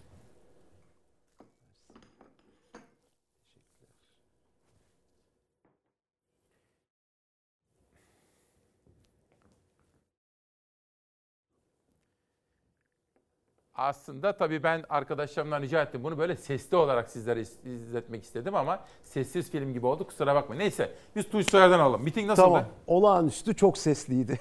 çok güzeldi. Çok canlıydı. Çok coşkuluydu. Çok kalabalıktı. Yani hakikaten e, insanlar bir de susamışlar. Birbirleriyle kucaklaşmaya, buluşmaya, umutlarını paylaşmaya. O nedenle çok keyifliydi, çok güzeldi. Peki- Ve, ve ben yalnız gitmedim. Hani siz dört belediye başkanı olarak Ben dediniz. dördünü gördüm de. Biz- Şöyle ben ertesi gün gazeteleri okurken Cumhuriyet'te bir haber görmüştüm. Sizde yapılmış bir gör- görüşme de vardı Doğru. orada. Doğru. Oradan Dört büyük şehir ama biz İzmir'deki tüm ilçe belediye başkanlarımızla beraber Ha, gittik. tamam. Yani işte Karşıyaka'sından Konağı'na, Bayraklısı'ndan e, Selçuk'una hepsiyle beraber gittik. Çünkü biz milletin sesiyiz. Yani memleketin sesi, milletin sesiyle e, adıyla yapıldı biliyorsunuz bu miting. Biz de İzmir'i temsilen gittik doğrusu ve çok da güzel oldu. Şimdi ben ertesi gün Vahap Seçer'le de konuştum. Mersin Büyükşehir Belediye Başkanı. Tabii dedi üzerinden büyük kalkmıştı. Çünkü Kılıçdaroğlu çok moralli döndü oradan. Onu Evet. gördük oradan. Doğru. Peki sizce desem Şimdi adaylık çok konuşuluyor ya mesela. Evet. Bugün Cumhuriyet'te de manşet var. İyi Partililer işte Evet. eğer diyorlar Kılıçdaroğlu kazanacağına inanırsa ve aday olursa destekleriz neden olmasın filan diyorlar. Evet. Şimdi aslında benim gördüğüm dört aday var ama Evet. bilinmez bu işleri. En sonunda kesin bildiğim şu var. Evet. Akşener'le Kılıçdaroğlu henüz konuşmadı. Evet. En sonunda da beraber karar verecekler. Evet. Tunç Soyer de tabii tecrübeli bir siyasetçi artık. Kaç dönemdir buralardasınız. Gözleminiz nedir Mersin'deki gözleminiz? Aday olur mu Evet. Kılıçdaroğlu ya da kim Ee, olur? olabilir, olmalı da. Dolayısıyla ben bununla iftihar ederim tabii. Keşke olsa. Sizin adayınız o mudur? Tabii ki yani bununla iftihar ederim. Ama biz tabii ittifak, dostlar hep beraber bir araya geldiklerinde neyi işaret edeceklerse onun peşinden gideceğiz. Ama şunu söylememe müsaade edin. Gerçekten isimden çok daha fazla sistemin konuşulması gereken bir dönemdeyiz. Yani nasıl bir sistem olmalı, nasıl bir yönetim sistemi kurulmalı ki yani bugün 18-29 arası gençlerimizin %50'den fazlası yurt dışına gitmek istiyor. Yani ne hale geldik de bu oldu ve bu nasıl değiştirilebilir? Yani asıl mesele konuşulması gereken isimlerden ziyade nasıl yeni bir yönetişim sistemi kurulmalı? Bunun üzerinde kafa yorulması, bunun üzerinde tartışılması gerekir diye düşünüyorum. Ama elbette biz genel başkanımızın aday olmasından büyük gurur duyarız. Size şunu da sormak istiyorum. Geçtiğimiz günlerde İmamoğlu'ndan da Mansur Yavaş'tan da gördüm. Şimdi bu dolar tabii yüksek tansiyon gibi ya sürekli Evet. yükseliyor yükseliyor böyle Doğru. bir, bir tuhaf bir şey oldu. Çok acayip. Ve etiketler sürekli değişiyor. Maalesef. Bunun belediye bütçesine etkisini sormak istiyorum ama izin Tabii. verirse bir reklama gidelim. Tabii, tabii, Sonra tabii. sizin sözünüzü kesmek istemiyorum. Yerel gazeteler sizi eleştiren manşetler de var onu peşin Tabii. peşin söyleyeyim. Yeni asırdaydı galiba. Doğrudur. Buca ile ilgili bir soru. Onu da peşin peşin Tamam. söyleyeyim. Devam edeceğiz. Tamam memnuniyetle. Evet değerli izleyenler İzmir Büyükşehir Belediye Başkanı Tunç Soyer'le sohbetimiz reklam molasından sonra devam edecek. Günaydın, hoş geldiniz. 9 Aralık 2021 Perşembe gününde İsmail Küçükkaya ile Demokrasi Meydanı'nda İzmir'den Mavi Ege'den bir konuğumuz var. İzmir Büyükşehir Belediye Başkanı Sayın Tunç Soyer. Efendim bir kere daha hoş geldiniz. Sağ olun. İzmirliler, Egeliler mesaj yağdırıyor. Sadece Ege değil. Herkesin gönlü Ege'de olduğu için Ne güzel. muazzam mesaj yağıyor Türkiye'den. güzel. Hatta Avrupa'dan diyelim. Ne güzel. Biraz gazete okuyalım mı sizinle? Tabii tabii. Bugün ortak derdimiz dedik efendim İsmail Küçükkaya Demokrasi Meydanı'nda. Ha başkana soralım. Ortak derdimiz nedir? Ee, yoksulluk, işsizlik, artan döviz kurları, derinleşen ekonomik kriz. Yani bunlar hepimizin ortak derdi ve birlikte ancak çözüm üretebiliriz. Yoksa e, ateş düştüğü yeri yakmakla kalmıyor. Yani hani bir orman yanarken bir grup ağaç kurtarılamaz. O orman hepimizi yakıyor. Dolayısıyla da el birliğiyle çözüm üretmek mecburiyetindeyiz. Ben sizi yazın aramış mıydım bu orman yangından sonra tebrik için? Tabii konuşmuştuk. Heh, çünkü Evet. önce danışmanlarınızı aradım da şöyle Doğru. ben orman yangını bölgesindeydim. Evet. Ve orada özellikle belediye başkanı, Bodrum Belediye Başkanı falan Doğru. sizin çok yardımcı olduğunuzu söylemişti. Elimizden geleni hep beraber yaptık evet. Hatta böyle köylere gidip böyle ellerini tutmuşsunuz. O köylerle konuştum. Evet evet. Hiç konu üzülmeyin ne gerekiyorsa Tabii. yaparız. İneğinize Doğru. kadar veririz demişsiniz Tabii, değil mi? tabii, tabii, Onu tabii. hatırladım da. Şimdi Evet. biraz gazete okuyalım. Tabii. Ben hangi bütçeden bahsedeyim? Kilitli bebek mamasıyla kürsüye çıkan CHP'li Arık dün bunu sordu. Şimdi sizin İzmir'de gördüğünüz tablo Evet. nedir efendim bu yoksulluk konusunda? Fecaat. Yani gerçekten insanın içini parçalayan, içimizi acıtan, hakikaten vicdanımızı sarsan, yani çok vahim bir tablo var. Çok derinleşen bir yoksulluk var. Yani bize senede 2000-3000 gıda paketi için başvuru yapılırken 500 bine çıkmış durumda o rakam. Yani 500 bin insan gıda paketi talep ediyor. Ya bu korkunç bir şey. Yani hakikaten Hepsine korkunç. verebiliyor musunuz? Yani biz e, geçen sene yaklaşık 115 milyon liralık bir gıda paketi takviyesi yapmıştık. Bu sene 125 milyon liralık gıda paketi yapacağız. Aynı şekilde e, 115 bin haneye e, erzak paketi götürmüştük. Bu sene, bu kara kış adını verdiğimiz bir paket yaptık. Bunun için doğrudan da bir başvuru hattı açtık. 444 40 35. Doğrudan kara kış hattı bu. 444 40 40 35. 35. Ha, Bu 35'i hatta sonra. direkt Ha. başvuru yaparak ne talep ediyorsa yani biz sadece gıda değil bakın berber hamam desteğinden kırtasiye yardımına 80 bin çocuğa bot ve mont dağıttık. 3, 3 milyon 200 bin liralık bir e, e, eğitim yardım paketi hazırladık. Üniversite öğrencilerimize 8 ay boyunca ayda 400 liradan 3 milyon 200 bin lira tutarında bir destek paketi Aklıma bir çıkarttık. şey geldi söyleyebilir miyim? Tabii tabii. Şimdi bugün bu mama haberini söyledim ya. Sabah bizim ekip arkadaşlarımdan Zafer de yeni bebeği olmuş oldu. Allah bağışlasın. Abi dedi bir görsen dedi bebek maması, bebek bezi. Böyle yardımlarınız oluyor mu? Olmaz mı? Hoş geldin bebek adını verdiğimiz bir paketimiz var. Annesi doğurduğu anda bebeğini onun zıbınından işte mamasına, şişesine, her şeyini bir paket olarak götürüyoruz ve İzmir'e hoş geldin hemşerim diyoruz. Hayır ama karşılamaya devam edemeyeceksin. Hani bebek Tabii tabii. maması ve onu Aynen. devam onun ediyor mu? Devam ediyor tabii. Yani bizim yaptığımız tüm bu desteklerin bir sürdürülebilirlik boyutu var. Biz 160 bin çocuğa ayda 8 litre süt götürüyoruz evine. 160 bin çocuğa.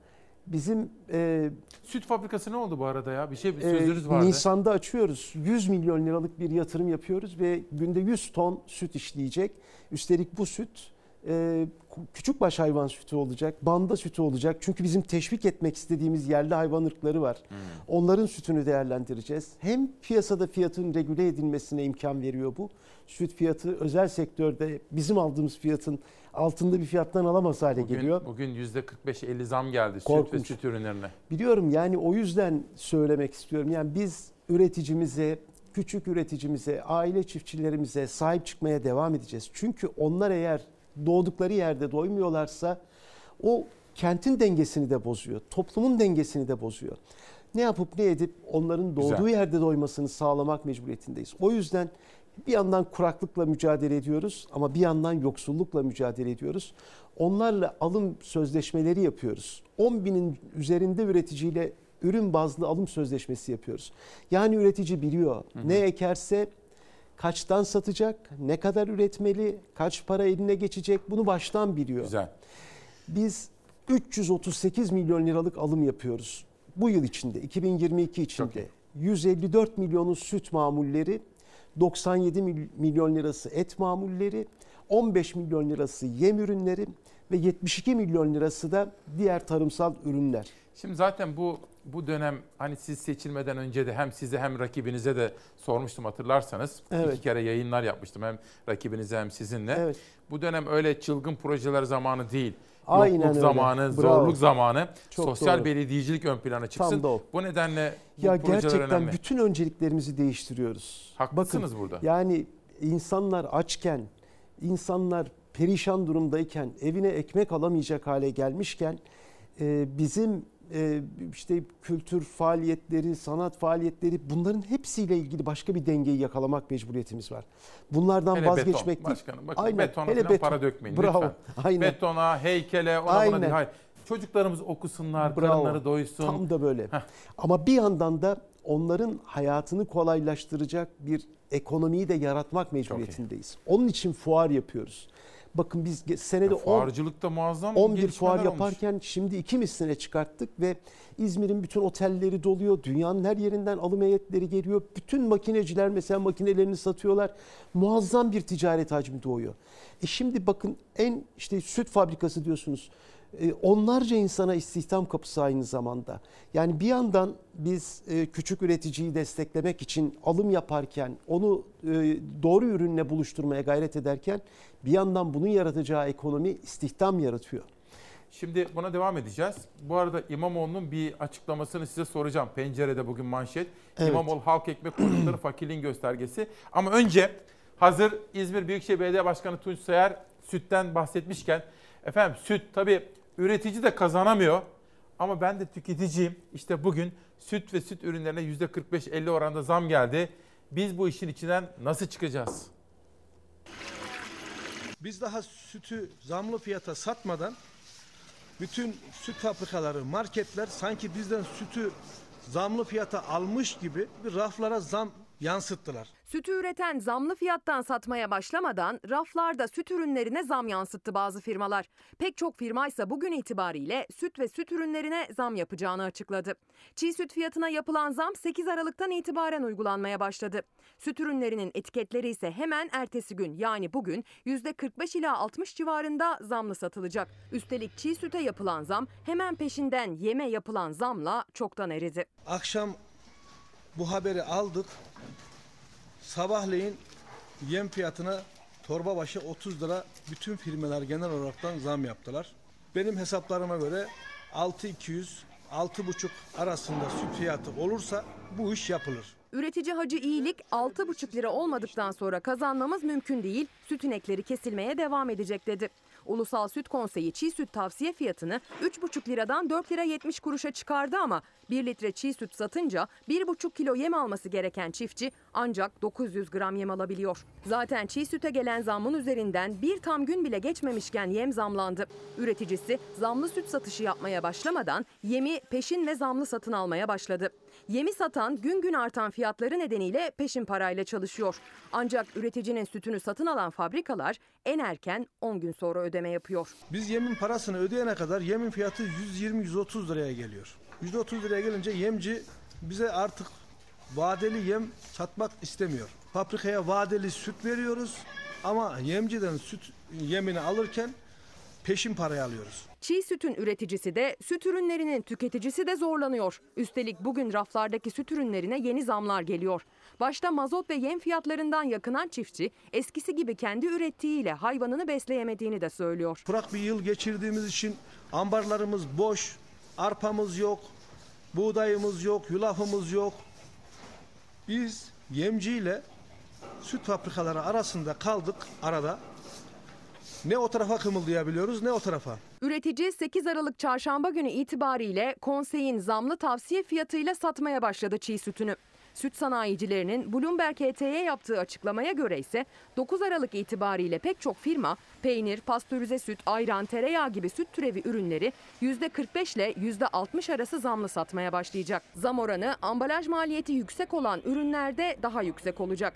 Sanayiciler yapılacak zammın tek sebebi çiğ süte gelen zam değil diyor. Sanayici de enerjiye yapılan zammı ambalaj ve mazot maliyet kalemlerinin artışını sebep gösteriyor. Şimdi Pırıl Bilici sizlerle tanıştırmıştım Adana'dan. O da böyle toprak aşığı bir kadın. Terra Madre Anadolu 2022'den de lütfen bahsedin İsmail Bey. Hmm.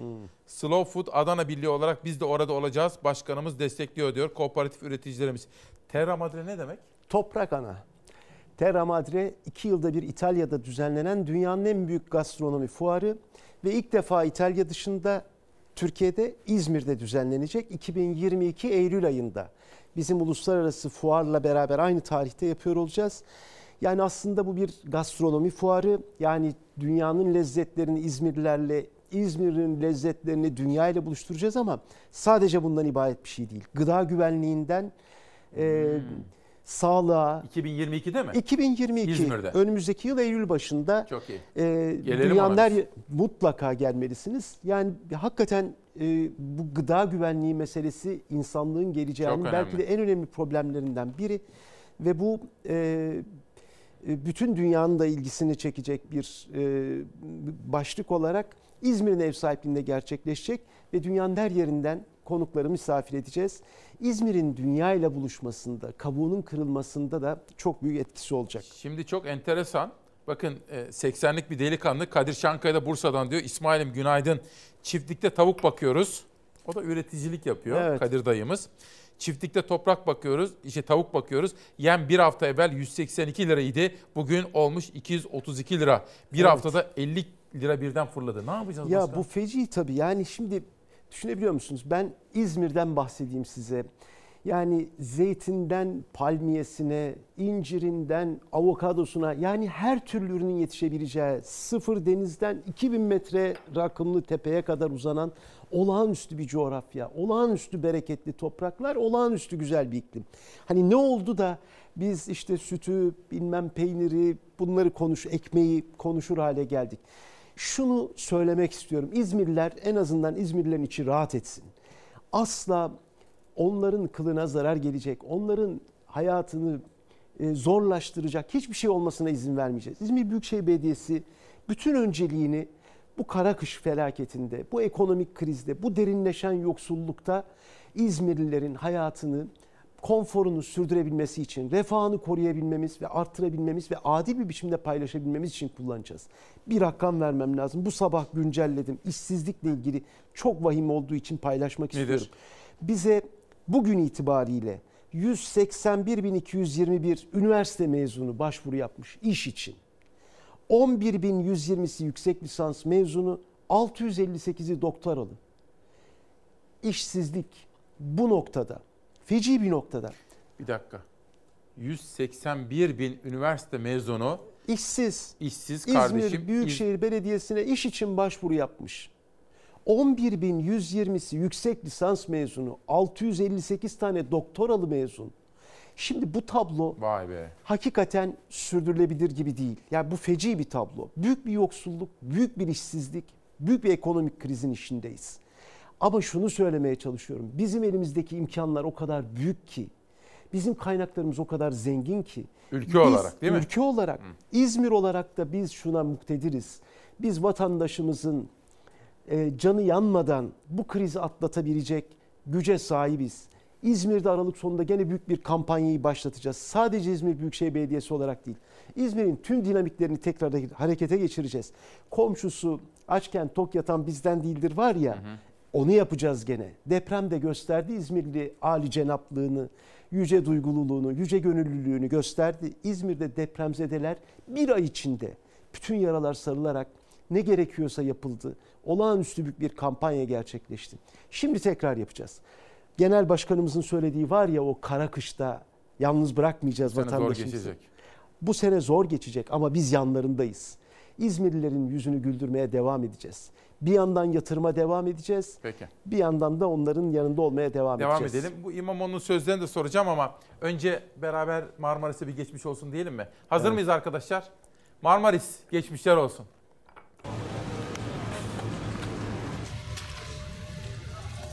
Halimiz perişan. Gördüğünüz gibi. Yatak odaları dolu, benimki dolu, herkesinki dolu yani. Daha önce yaşanmayan yaşandı. Kuvvetli sağanak yağış nedeniyle ilçede yüzlerce evi su bastı. İlçeden 200 kamyondan fazla balçık çıkarıldı. Sebebinin yangında tahrip olan ormanların yağışı tutamaması, yağışın sel olup akması olduğu tahmin ediliyor. 24 saatte 145 kilogram yağan yağmur neticesinde özellikle yanan ormanlık alanlardaki dalların, tomrukların kesilmiş ağaç gövdelerinde etkisiyle birlikte öne gelen setlerle üzücü bir durumla tekrar karşılaşmış durumdayız. Muğla'nın Marmaris ilçesinde geçtiğimiz Ağustos ayında yaşanan yangın felaketinden sonra ormanlar büyük ölçüde tahrip oldu. Marmaris İçmeler yangında en çok zarar gören yerlerden biriydi. Geçtiğimiz cumartesi günü bölge genelinde etkili olan kuvvetli sağanak yağıştan da en çok zarar gören yine içmeler oldu. İçmelerin yamaçlarındaki sık ormanlar yağışı tutamadı, içmeler sel suları ve balçıkla kaplandı. Orman yangınları sonucu meydana gelen kül, dal, tomruk ve ben- benzeri malzemeyi akış aşağısına taşıyarak kentsel alanlarda taşkınlara ve su baskılarına yol açmaktadır. 24 saat içinde metrekareye 145 kilogram yağmur düştü. Sel suları nedeniyle cadde ve sokaklar balçık içinde kaldı. Yazın çıkan orman yangınlarında yanan alanlardan gelen çamurlu ve küllü sular alçak kesimlerde bulunan 150'den fazla ev, iş yeri, tarla ve bahçede su baskınlarına sebep oldu içmelerde. Cumartesi günü yaşanan sel felaketinin yaraları hala tam olarak sarılamadı. Marmaris'e geçmişler olsun diyelim ve Ekrem İmamoğlu'na geçelim. Tunç Soyer'e soracağım. Büyütelim arkadaşlar. Bu değil, bu değil. İmamoğlu. Heh. Halk ekmek kuyrukları fakirliğin göstergesi. Şimdi başkan bir şey söyleyeceğim. Bu sene gördüğümüz bir durum var. Evet. Ekmek fiyatları çok çok zamlandı. Doğru. Bir, İzmir'de halk ekmek kaç lira? 1,5 lira. 1,5 lira. Kaç gram? 250 gram. Normalde fırınlarda kaç lira? 230 gram 2,5 lira satılıyor. Biz e, 95 bin ekmek çıkartıyoruz halk ekmek fabrikamızda. E, ve tamamı tabii bir- birkaç saat içinde bitiyor. Öyle ama uzun kuyruklar olmuyor. Ben İzmir'de hiç görmedim kuyruk. Yok çok şükür. Yani ihtiyaca göre üretimi artırmaya da gayret ediyoruz. Dolayısıyla şu an itibariyle e, 1,5 lira 250 gram ekmek 95 bin adet halk ekmek olarak üretiyoruz. Peki şimdi dolar böyle 13.50, 13.60 Evet. hatta 14'lere doğru gidip gidip dönüyor ya. Evet. Bütün bu gelişmeler, kurdaki oynamalar daha doğrusu Türk lirasındaki erime Evet. sizi nasıl etkiliyor bütçenizi? Yani bir kere şunu çok net söyleyeyim. O gün 9,5 liralardan 13 liralara çıktı ya dolar. O gün biz 3 milyar lira kaybettik. Bir metro hattı yapabilecek fırsatı kaçırdık. Öyle diyeyim size. Çünkü bizim Narlıdere metromuz 2700-2800 gibi işte önümüzdeki yıl inşallah bitiriyoruz açılışını yapacağız. 14 kilometre bir metro hattı düşünün. Biz bir gecede o dövizin yükselmesiyle 3 milyar kaybettik. Yani bir Narlıdere metrosu kadar bir imkanı kaçırmış olduk. Yani çok muazzam tabii. Çok olumsuz Bizim hepimizin etkileniyor. olduğu gibi siz de fakirleştiniz belediye bütçesi Tabii olarak. ki yani herkesle beraber biz bu memleketin vatandaşıyız, bu memleketin bir kentiyiz. Hmm. Tabii ki bu memleketteki yaşanan ekonomik krizlerden, yoksulluktan, işsizlikten, derinleşen yoksulluktan hepsinden payımızı alıyoruz. Kaynaklarımızın kullanımı anlamında da. Ama şunu söyleyeyim. Yani bütün bunlara rağmen İzmir Büyükşehir Belediyesi'nin bütçesi, kurumsal kapasitesi hala uluslararası güvenilirliğini en üst düzeyde koruyor. Hala son derece yatırım yapılabilir olarak kabul edilen bir kent durumundayız. Kaynaklarımızı doğru kullanmaya devam ediyoruz. Borçlanma rasyolarımız, işte e, dışarıdan e, finansman alma kapasitemiz, gücümüz bunların hepsi Tabii sizin şöyle bir avantajınız var ama onu söyleyeyim. Evet. Mesela Vahap Seçer'e göre, Zeydan Karalar'a, İmamoğlu'na, Tabii. Yavaş'a, Mansur Yavaş'a göre siz İzmir'de belediye meclisinde de çoğunluktasınız değil mi? Tabii. Bunun Tabii bunun da var. bunun da çok büyük payı var. Çünkü Ama onlar istedikleri gibi Tabii. bileyim yapamıyorlar. Çünkü engeller çıkıyor. çok doğru. Ama mesela şöyle söyleyeyim ya hani İzmir'in güvenilirliğiyle bir örnek olsun. Az önce Evet. de sormuştunuz Buca metrosu ile ilgili. Onu bir daha soracağım. Çünkü çok soru geliyor ve yeni asır hani yerel gazetelerde de Evet. seçtim onu. Yani şunu söylemeye çalışıyorum. Biz bütün bu ekonomik e, koşullara rağmen yatırım yapmaktan vazgeçmiyoruz. Doğru yatırım alanları seçiyoruz. Süt fabrikası gibi, metro gibi. Neden? Çünkü bunlar aynı zamanda hem istihdam demek, hem refahın büyümesi Hem de demek, altyapı. hem altyapı demek. Ya bakın metro dediğiniz şey sadece bir ulaşım aracı değil. Aynı zamanda istihdam, aynı zamanda ekonomik canlılık. dur. Ee, Peki. Geçelim o zaman tekrar döneriz. Bir hazır söz açılmışken başkanı bölmeyeyim. Avrupa Bankası Soyer'i yalanladı diyor. CHP'li İzmir Büyükşehir Evet. Belediyesi Buca metrosu ihalesini en düşük teklife değil ikinci teklife verdi. İtirazlar gelince Soyer topu finansman desteği verecek olan Avrupa İmar ve Kalkınma Bankası'na attı diyor. Erhan Gülenç'in Evet. haberi. Bunu nasıl yor- yorumlarsınız efendim? Yani bir kere önce onu söylemeye devam edeyim. Birkaç cümle daha şu Lütfen. Buca metrosu ile ilgili. Bakın biz 490 milyon euroluk bir kaynak bulduk ve bir konsorsiyum oluşturduk. Üstelik de krizin patladığı gün biz e, Frans Kalkınma Ajansı ile 125 milyon euroluk bir anlaşma imzaladık. E, Avrupa Yatırım Kalkınma Bankası'ndan 125 milyon, Frans Kalkınma Ajansı'ndan 125 milyon. Bunlar hep euro. Toplam 490 milyon euroluk bir konsorsiyum oluşturduk. Tamam. Bu bunun üzerine bir o kadar da makine e, e, şeyleri için, Teçhizat. araçları için, metro araçları için bütçe koymanız lazım. İzmir tarihinin en büyük yatırımını yapıyoruz. Bu ekonomik krize rağmen İzmir tarihinin en büyük yatırımını yapıyoruz. Bu bulduğumuz finansman kaynağı 3.2 faizle 12 yıl vadeli bir finansman kaynağıdır. 4 yıl ödemesiz, 8 yıl ödemeli. Yani inşaat bittikten sonra hareket başladıktan sonra kendi geri ödemesini yapacak bir finansman kaynağı. Bu sadece bir borç değil. Bakın bu para İzmir'e girdiği anda binlerce insan çalışacak ve o hattın geçtiği güzergahta trafik rahatlayacak ama dahası oraya aslında başka bir medeniyeti götürmüş olacak metro. Bu sadece Niye aşamadı efendim bu? ihale bitti. İşte bu haber de onunla ilgili yapılmış zaten. Ee, şöyle 9 teklif gelmişti ihaleye. Evet. Bunlardan en düşük olan iki tanesinin sorgulanmasını yapmamız gerekiyordu. Aşırı düşük denilen bir şey var ihale sisteminde. Siz 10 liradan bir, bir, bir şeyin yapılma için ihaleye çıkıyorsunuz söz gelimi. Biri 2 lira veriyor. E şimdi bu 2 lirayı sorgulamanız lazım. Kardeşim bizim yaptığımız maliyet hesabında bu 10 lira. Biz öyle bir ihaleye çıkmışız. Sen 2 lira vermişsin. Bunun bir hesabını bize tuhaflık anlat. mı gördünüz? Bir tuhaflık gördük. İki tane firmanınkini Elediniz. e, sorgu, elemedik, sorgusunu istedik. Bize bunlarla ilgili açıklama verin dedik. Ama bununla yetinmedik. Avrupa Yatırım e, Bankası'na da dedik ki siz madem bu finansörüsünüz, finansmanını sağlıyorsunuz bunun, siz de bir bilir kişiyle bunu e, kontrol ettirin.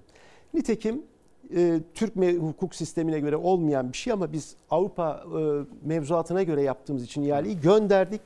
Onlar da bağımsız bir bilgi marifetiyle bizim e, aldığımız, yaptığımız sorguları denetlediler, kontrol ettiler ve onlar da e, bir değerlendirme yaparak bize gönderdiler. Dolayısıyla tabii ki bizim ihale komisyonumuz karar veriyor. Avrupa Yatırım Bankası Belli oldu mu değil. kim kazandığı? Biz e, bunu açıkladık. Yani o en düşükten birini eledik. Diğerini e, iki, iki taneden bir tanesine ihaleyi vermeye karar verdik. Buna ihale komisyonumuz karar veriyor. Anladım. Tabii ki Avrupa Yatırım Bankası değil ama onlarla da mutabık kalınarak yol alındı. Söylediğim oydu benim. Sanki biz onlardan almışız gibi bir şey Kim kim kullanmış. kazandı? E, Gülermak firması kazandı. Şu anda Narlıdere e, metrosunu da yapan firma. Yabancı ortağı var mı? Yok bildiğim kadarıyla yok. Tamam peki. Evet. Biz bir öncekine geçelim. Şimdi kiralarla ilgili detay rica edeceğim. Şimdi tabii herkes İzmir- İzmir'e doğru akın akın gidiyor. Fakat İstanbul'da kiralar %65 arttı. İzmir Belediye Başkanı Tunç Seyr'e soralım. İzmir'de ne durumda efendim kira? İzmir e, dünyada e, üst sıralarda kirası artan kentler arasında. Tabii bir yandan bununla çok iftihar ediyoruz ama bir yandan da gözümüz korkuyor. Tabii. Çünkü acayip Tabii. bir talep de yaratmış oluyor İzmir. E, ama bizim de işimiz bu. Yani biz buna çözüm üretmek durumunda olan insanlarız. Şimdi Müjdat Gezen haberi vardı. Biraz kültürden sanattan da bahsetmek istiyorum. Bu arada Erhan Çelik'ten de bir mesaj gelmiş. Onu da okuyacağım. Ondan sonra sizlere de aktarmak istiyorum. Tekrar edeyim. Bu akşam Mustafa Koç adına verilen ödüller sahiplerini bulacaklar efendim. Onu da takip edeceğim. Yarın sizlere haber olarak aktaracağım. İki kitap tanıtacağım müsaade ederseniz. Ondan sonra Müjdat Gezen'le ilgili bir haber ve tiyatrolar, kültür, sanattan da bahsetmek isterim. Kanser Değil Yakamoz isimli kitap Barbaros Yarkın. Deniz Yıldırım mümkün diyor. Orçun Massatçı'nın yeni çıkan kitabı da bizimle birlikte. Büyük ustamız Müjdat Gezen'i saygıyla selamlıyoruz. Kitap çok emek verilmiş. Bende olmayan fotoğraflar var kitapta. Türkiye'nin yüzünü güldüren adam Müjdat Gezen'in ilham verici yaşamını ailesi, dostları, öğrencileriyle birlikte anlattık. Ben de onu çok yakından tanıdığımı zannediyordum. Ama bilmediğimiz ne çok yönü varmış meğer. Öğrendikçe çok şaşırdım. Geleneksel Türk tiyatrosunun duayenlerinden, sanatın en kıymetli hazinelerinden Müjdat Gezen, arkadaşlarının anlatımıyla Gökmen Ulu'nun kaleminden sayfalara döküldü. Doğumundan bugüne Bir Kar Tanesi'nin Çağa Dönüşümü isimli kitapta bir ustanın Müjdat Gezen'in hayatı toplandı. Oradaki emek Gökmenoğlu'ya ait. Ben hayatım boyunca iyi bir insan olmaya çalıştım ve insan biriktirmeye çalıştım. Müjdat Gezen Sanat Merkezi. Muhteşem bir yıldız fabrikası, aydınlanma ve demokrasi mücadelesinin simge isimlerinden en iyi Perran Kutman dile getirdi. Sığmıyor dedi Müjdat. Hiçbir yere sığmıyor. Bir kar tanesiyken nasıl bir kar topuna dönüştüğünü görüyoruz Müjdat Gezen'in. Sinema ve dizi oyuncusu, şair, eğitmen, yazar, sanatla geçen dolu dolu bir ömür. Gazeteci Gökmen Ulu'nun iki yıllık araştırmasının sonucunda Müjdat Gezen'in bilinmeyenleri kitapta yerini aldı. Müjdat Gezen'in Cumhuriyet aydınlanmasının en güzel meyvelerinden biri olduğunu tespit ettim. Da sadece Müjdat Gezen'in mesleki nitelikleri üzerinde durmadım. Özellikle karakteristik nitelikleri üzerinde durmaya çalıştım. Müjdat Gezen'in bir bilge kişiliği var. Ama bilgiçlik taslamayan bir bilge. Zaten öyle kitaplarda adı geçen kişi yani Müjdat Hameme kimse onun için pek fazla kötü konuşmazlar. Ben isterim ki öyle kitapların içinde böyle olumsuz şeyler de olsun. Sonra o kitabın içinde adı geçen, vasi geçen Müjdat ya terkim olsun düşünsün. Ya ben herkesle aynı intivayı bırakmamışım. Demek ki bazılarını kırmışım, kimini incitmişim gibi. Bir başka heyecanı var sanatçının bu aralar. Özlemi boğazına düğümlenen kızı Elif. Bir yaşındaydı. Elif babasının kucağında sahnedeydi. Ve 50 yıl aradan sonra baba kız oyunuyla yine sahnedeler. Benim şiirlerimi pandemi döneminde bestelemiş. Bana gönderdi. O kadar beğendim ki. Elif bundan bir şey yapalım dedim yani bu durmasın. Sonra dedim ki ben oyununu yazayım sen müziklerini yap. 51 yıl önce onunla sahneye çıkmışım ben. Aradan geçmiş 50 yıl. Şimdi aynı sahnede oyun oynuyoruz. Kavuştuk. Büyük ustamız Müjdat Gezen. Bu arada danışmanım Nihal diyor ki Başkanın açıkladığı rakamlar yarına manşet olur gazetede diyor. Başkanım İzmir'e iş için başvuran üniversite mezunu sayısı 182 bin miydi? 181.221. Ve bunların kaçı doktoralıydı, masterlı? 658'i doktora mezunu, 11.120'si yüksek lisans mezunu. İnanılmaz rakamlar. Yarın biz bunu Çalarsat gazetesine manşet olarak aktaralım. Editörüm de zaten burada. Zeray Kınıcı. Yarına manşeti yapacağız. Bu arada Eren Aysan o da kıymetlimiz ve İzmir'deki tiyatrodan, kitaplardan da bahsetmek Hmm. istiyorum. Erhan Çelik de İzmir'i görmelisin diyor. Özellikle fuarcılıkta çığır açtılar diyor. Erhan Çelik de eski meslektaşımız biliyorsunuz. Ona da teşekkür ediyorum. İzmir fuar kenti. Tabii ben Muazzam. çocukluğumda fuara giderdik ama Biz- şimdi bir evet. ticareten çok geliştirmişsiniz. Doğru. Lig atlatıyoruz. Ee, çıtayı çok yükseltiyoruz. Çünkü e, bir kentte kendi kendinize ne ürettiğinizin, ne kadar e, iyi olduğunuzun filan bir kıymeti yok. Bunu dışarıyla buluşturuyorsanız ve dışarısı bunu görmeye başlıyorsa Muazzam. İşte o zaman doğru bir şey Oraya yapıyorsunuz. önem veriyorsunuz demek çok ki. önem fuara, veriyoruz. öyle mi? Çok çok önem Kitaba, veriyoruz. kitap, tiyatro. Ya şöyle tabii ki tiyatro son derece önemli. Açılışta da sormuştunuz, ifade etmeye çalıştım. Biz şehir tiyatrosu kurduk İzmir'de. 70 sene sonra İzmir tekrar şehir tiyatrosuna kavuştu ve ilk oyunlar Azizname'ydi. İkincisini de yarın akşam başlıyor. Ne oynuyor? Tavşan Tavşanoğlu başlıyor. Şimdi e, şunu söylemek isterim. Kitaplardan bahsettiniz. Az önce Deniz Yıldırım'ın Mümkün kitabını söylediniz. Bizim de baştan beri söylediğimiz şey başka bir tarım mümkün, başka bir Türkiye mümkün, başka bir yönetim mümkün, başka bir hikaye mümkün. Şu yaşadığımız tablo bir kader değil. Bu yanlış yönetimlerin, yanlış kararların bizi getirdiği nokta. Bir, bu kentin, bu memleketin bize bahşettiği potansiyel ve olanaklar o kadar yüksek ki aslında. Hiç bunu hak etmiyoruz. Ama şu içine düştüğümüz durumda da hani biz dar kumaştan bol gömlek üreteceğiz. Bunu çok net söyleyeyim. Bizim işimiz bu. Biz bunu yapacağız. Ama şunu söyleyerek bitireyim. Bir kitaptan bahsettiniz. Evet, ben de lütfen. bir kitaptan bahsetmek isterim. Kadife Karanlık diye bir kitap. Kadife Karanlık aslında insanlığın bütününde bugün yaşanan işte popülist ve otoriter iktidarların dayattığı bir şey var. Bütün dünyada bu yaşanıyor. İşte bu Kadife Karanlık kitabı da dünyanın en iyi kuramcılarının işte Noam Chomsky'den e, Zizek'e bunların hepsinin e, makalelerinin derlendiği e, bir e, derleme kitap. Kadife Karanlık insanlığın üzerine çok çöken bu karanlıktan nasıl bir aydınlığa çıkılır? Bunların Bir şey konuşulduğu. sorabilir miyim? Siz e, tabiat olarak, mizaç olarak iyimser misinizdir? Ç- Çok iyimserim. Dünyada hiçbir şey kötümserlerin eseri değil. Dünyada iyi bildiğiniz ne varsa, güzel bildiğiniz ne varsa iyimser insanların eseri. Ne kadar güzel. Bu arada tiyatro demişken Nazan Kesal hani ben keşke oynasa diyordum. Geçtiğimiz yıl sizlere anlatmıştım. Ve Beylikdüzü AKSM'de oynayacak.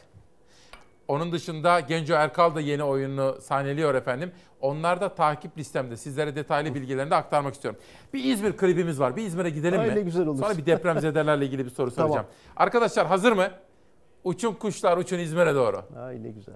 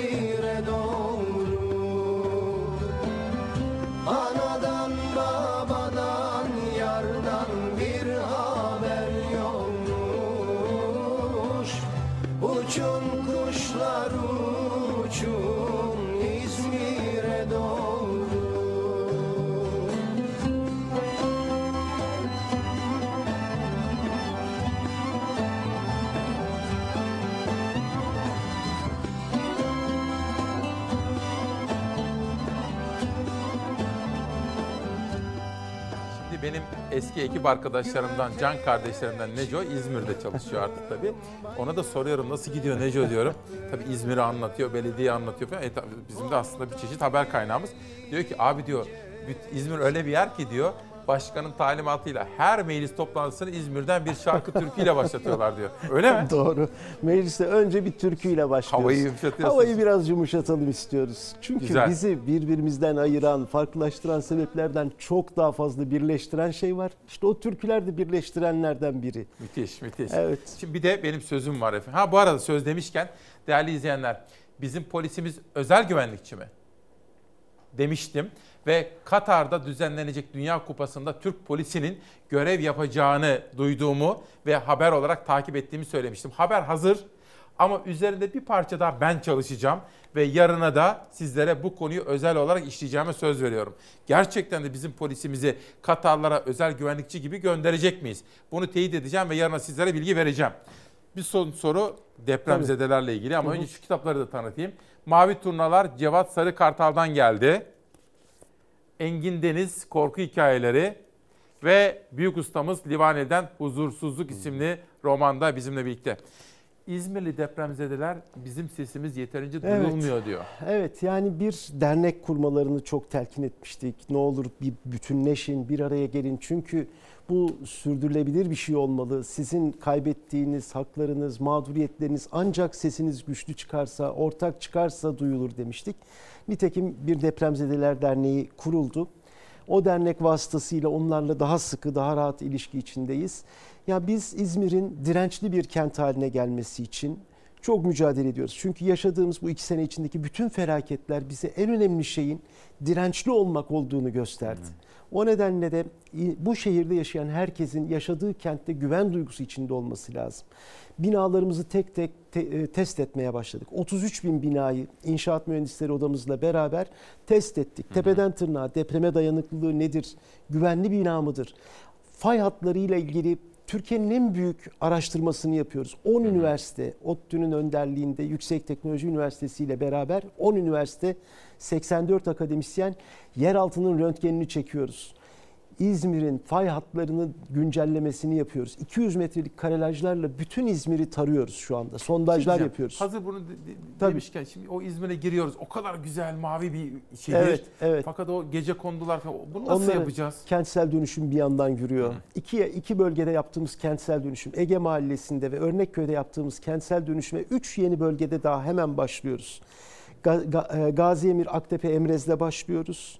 Ee, Örnektepe, e, Örnekköy'ün ikinci etabında başlıyoruz. Uzundere'de başlıyoruz. Bunlarla ilgili de hazırlıklarımız tamamlandı. Bir yandan diyorum ya biz aslında ekonomik krizlerden fırsatlar çıkartmaya çalışıyoruz. Ve bu fırsatları da memleketimizin refahını büyütmek ve adil paylaşılmasını sağlamak için kullanıyoruz. Buna devam edeceğiz. Depremzedelerimizin sonuna kadar yanında olmaya devam edeceğiz. Onların üzüntülerini, acılarını hafifletmek için, yaralarını sarmak için yanlarında durmaya devam edeceğiz. Başkan çok teşekkür ediyorum. Ben çok teşekkür ediyorum. Sizin İyi yanınıza geldiniz. gelmek hem çok heyecan verici hem çok Ay, gurur bizim de verici. Eksik İzmir'e olmayın. selamlarımızı söyleyin. Baş üstüne. Çok sağ olun bu fırsatı verdiğiniz İzmir için bizim de. için tabii, tabii şimdi kaybettik ama Karşıyaka'da mesela Yıldızfer teyzem vardı. Yıldızfer Kemaloğlu. Onu kaybettik. Hep onu düşünürüm. Ama İzmir gönlümüzde Bir apayrı de bir, biz yerdir. sizi misafir edelim. Bir İzmir'e gelin Sağ olun inşallah. memnuniyetle. Yani çok biz de çok memnun Sağ olun eksik olmayın. Çok isteriz. Çok teşekkür isteriz. Sağ olun. Şu iki kitabı da Sağ olun. tanıtayım sonra sizi uğurlamak isterim. Tamam. Bu hayatta bazen itfaiyeyi ararız diyor İpek Mecit. İçimdeki şair memlekete dair. Bu arada bir şey söyleyeceğim. Ne güzel dans ediyorsunuz. Görüntüler vardı. Ha? Valla müthişti. Hay Allah. Yok sadece hani içimizden geldiği gibi yoksa eğitimini falan almış değiliz yani.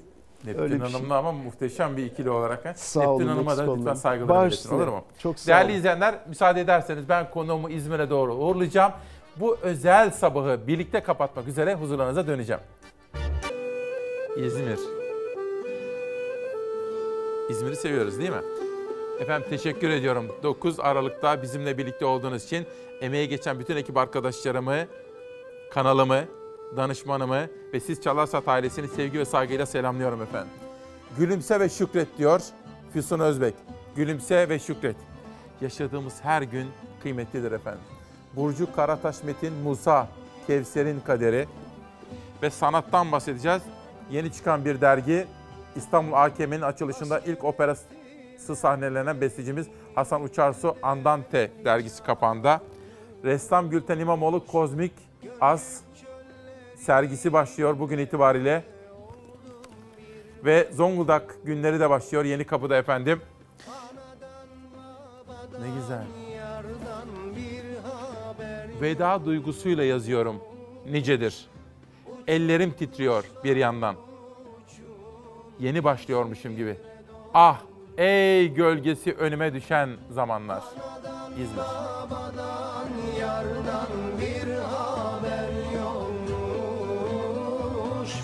Uçun kuşlar uçun İzmir'e doğru.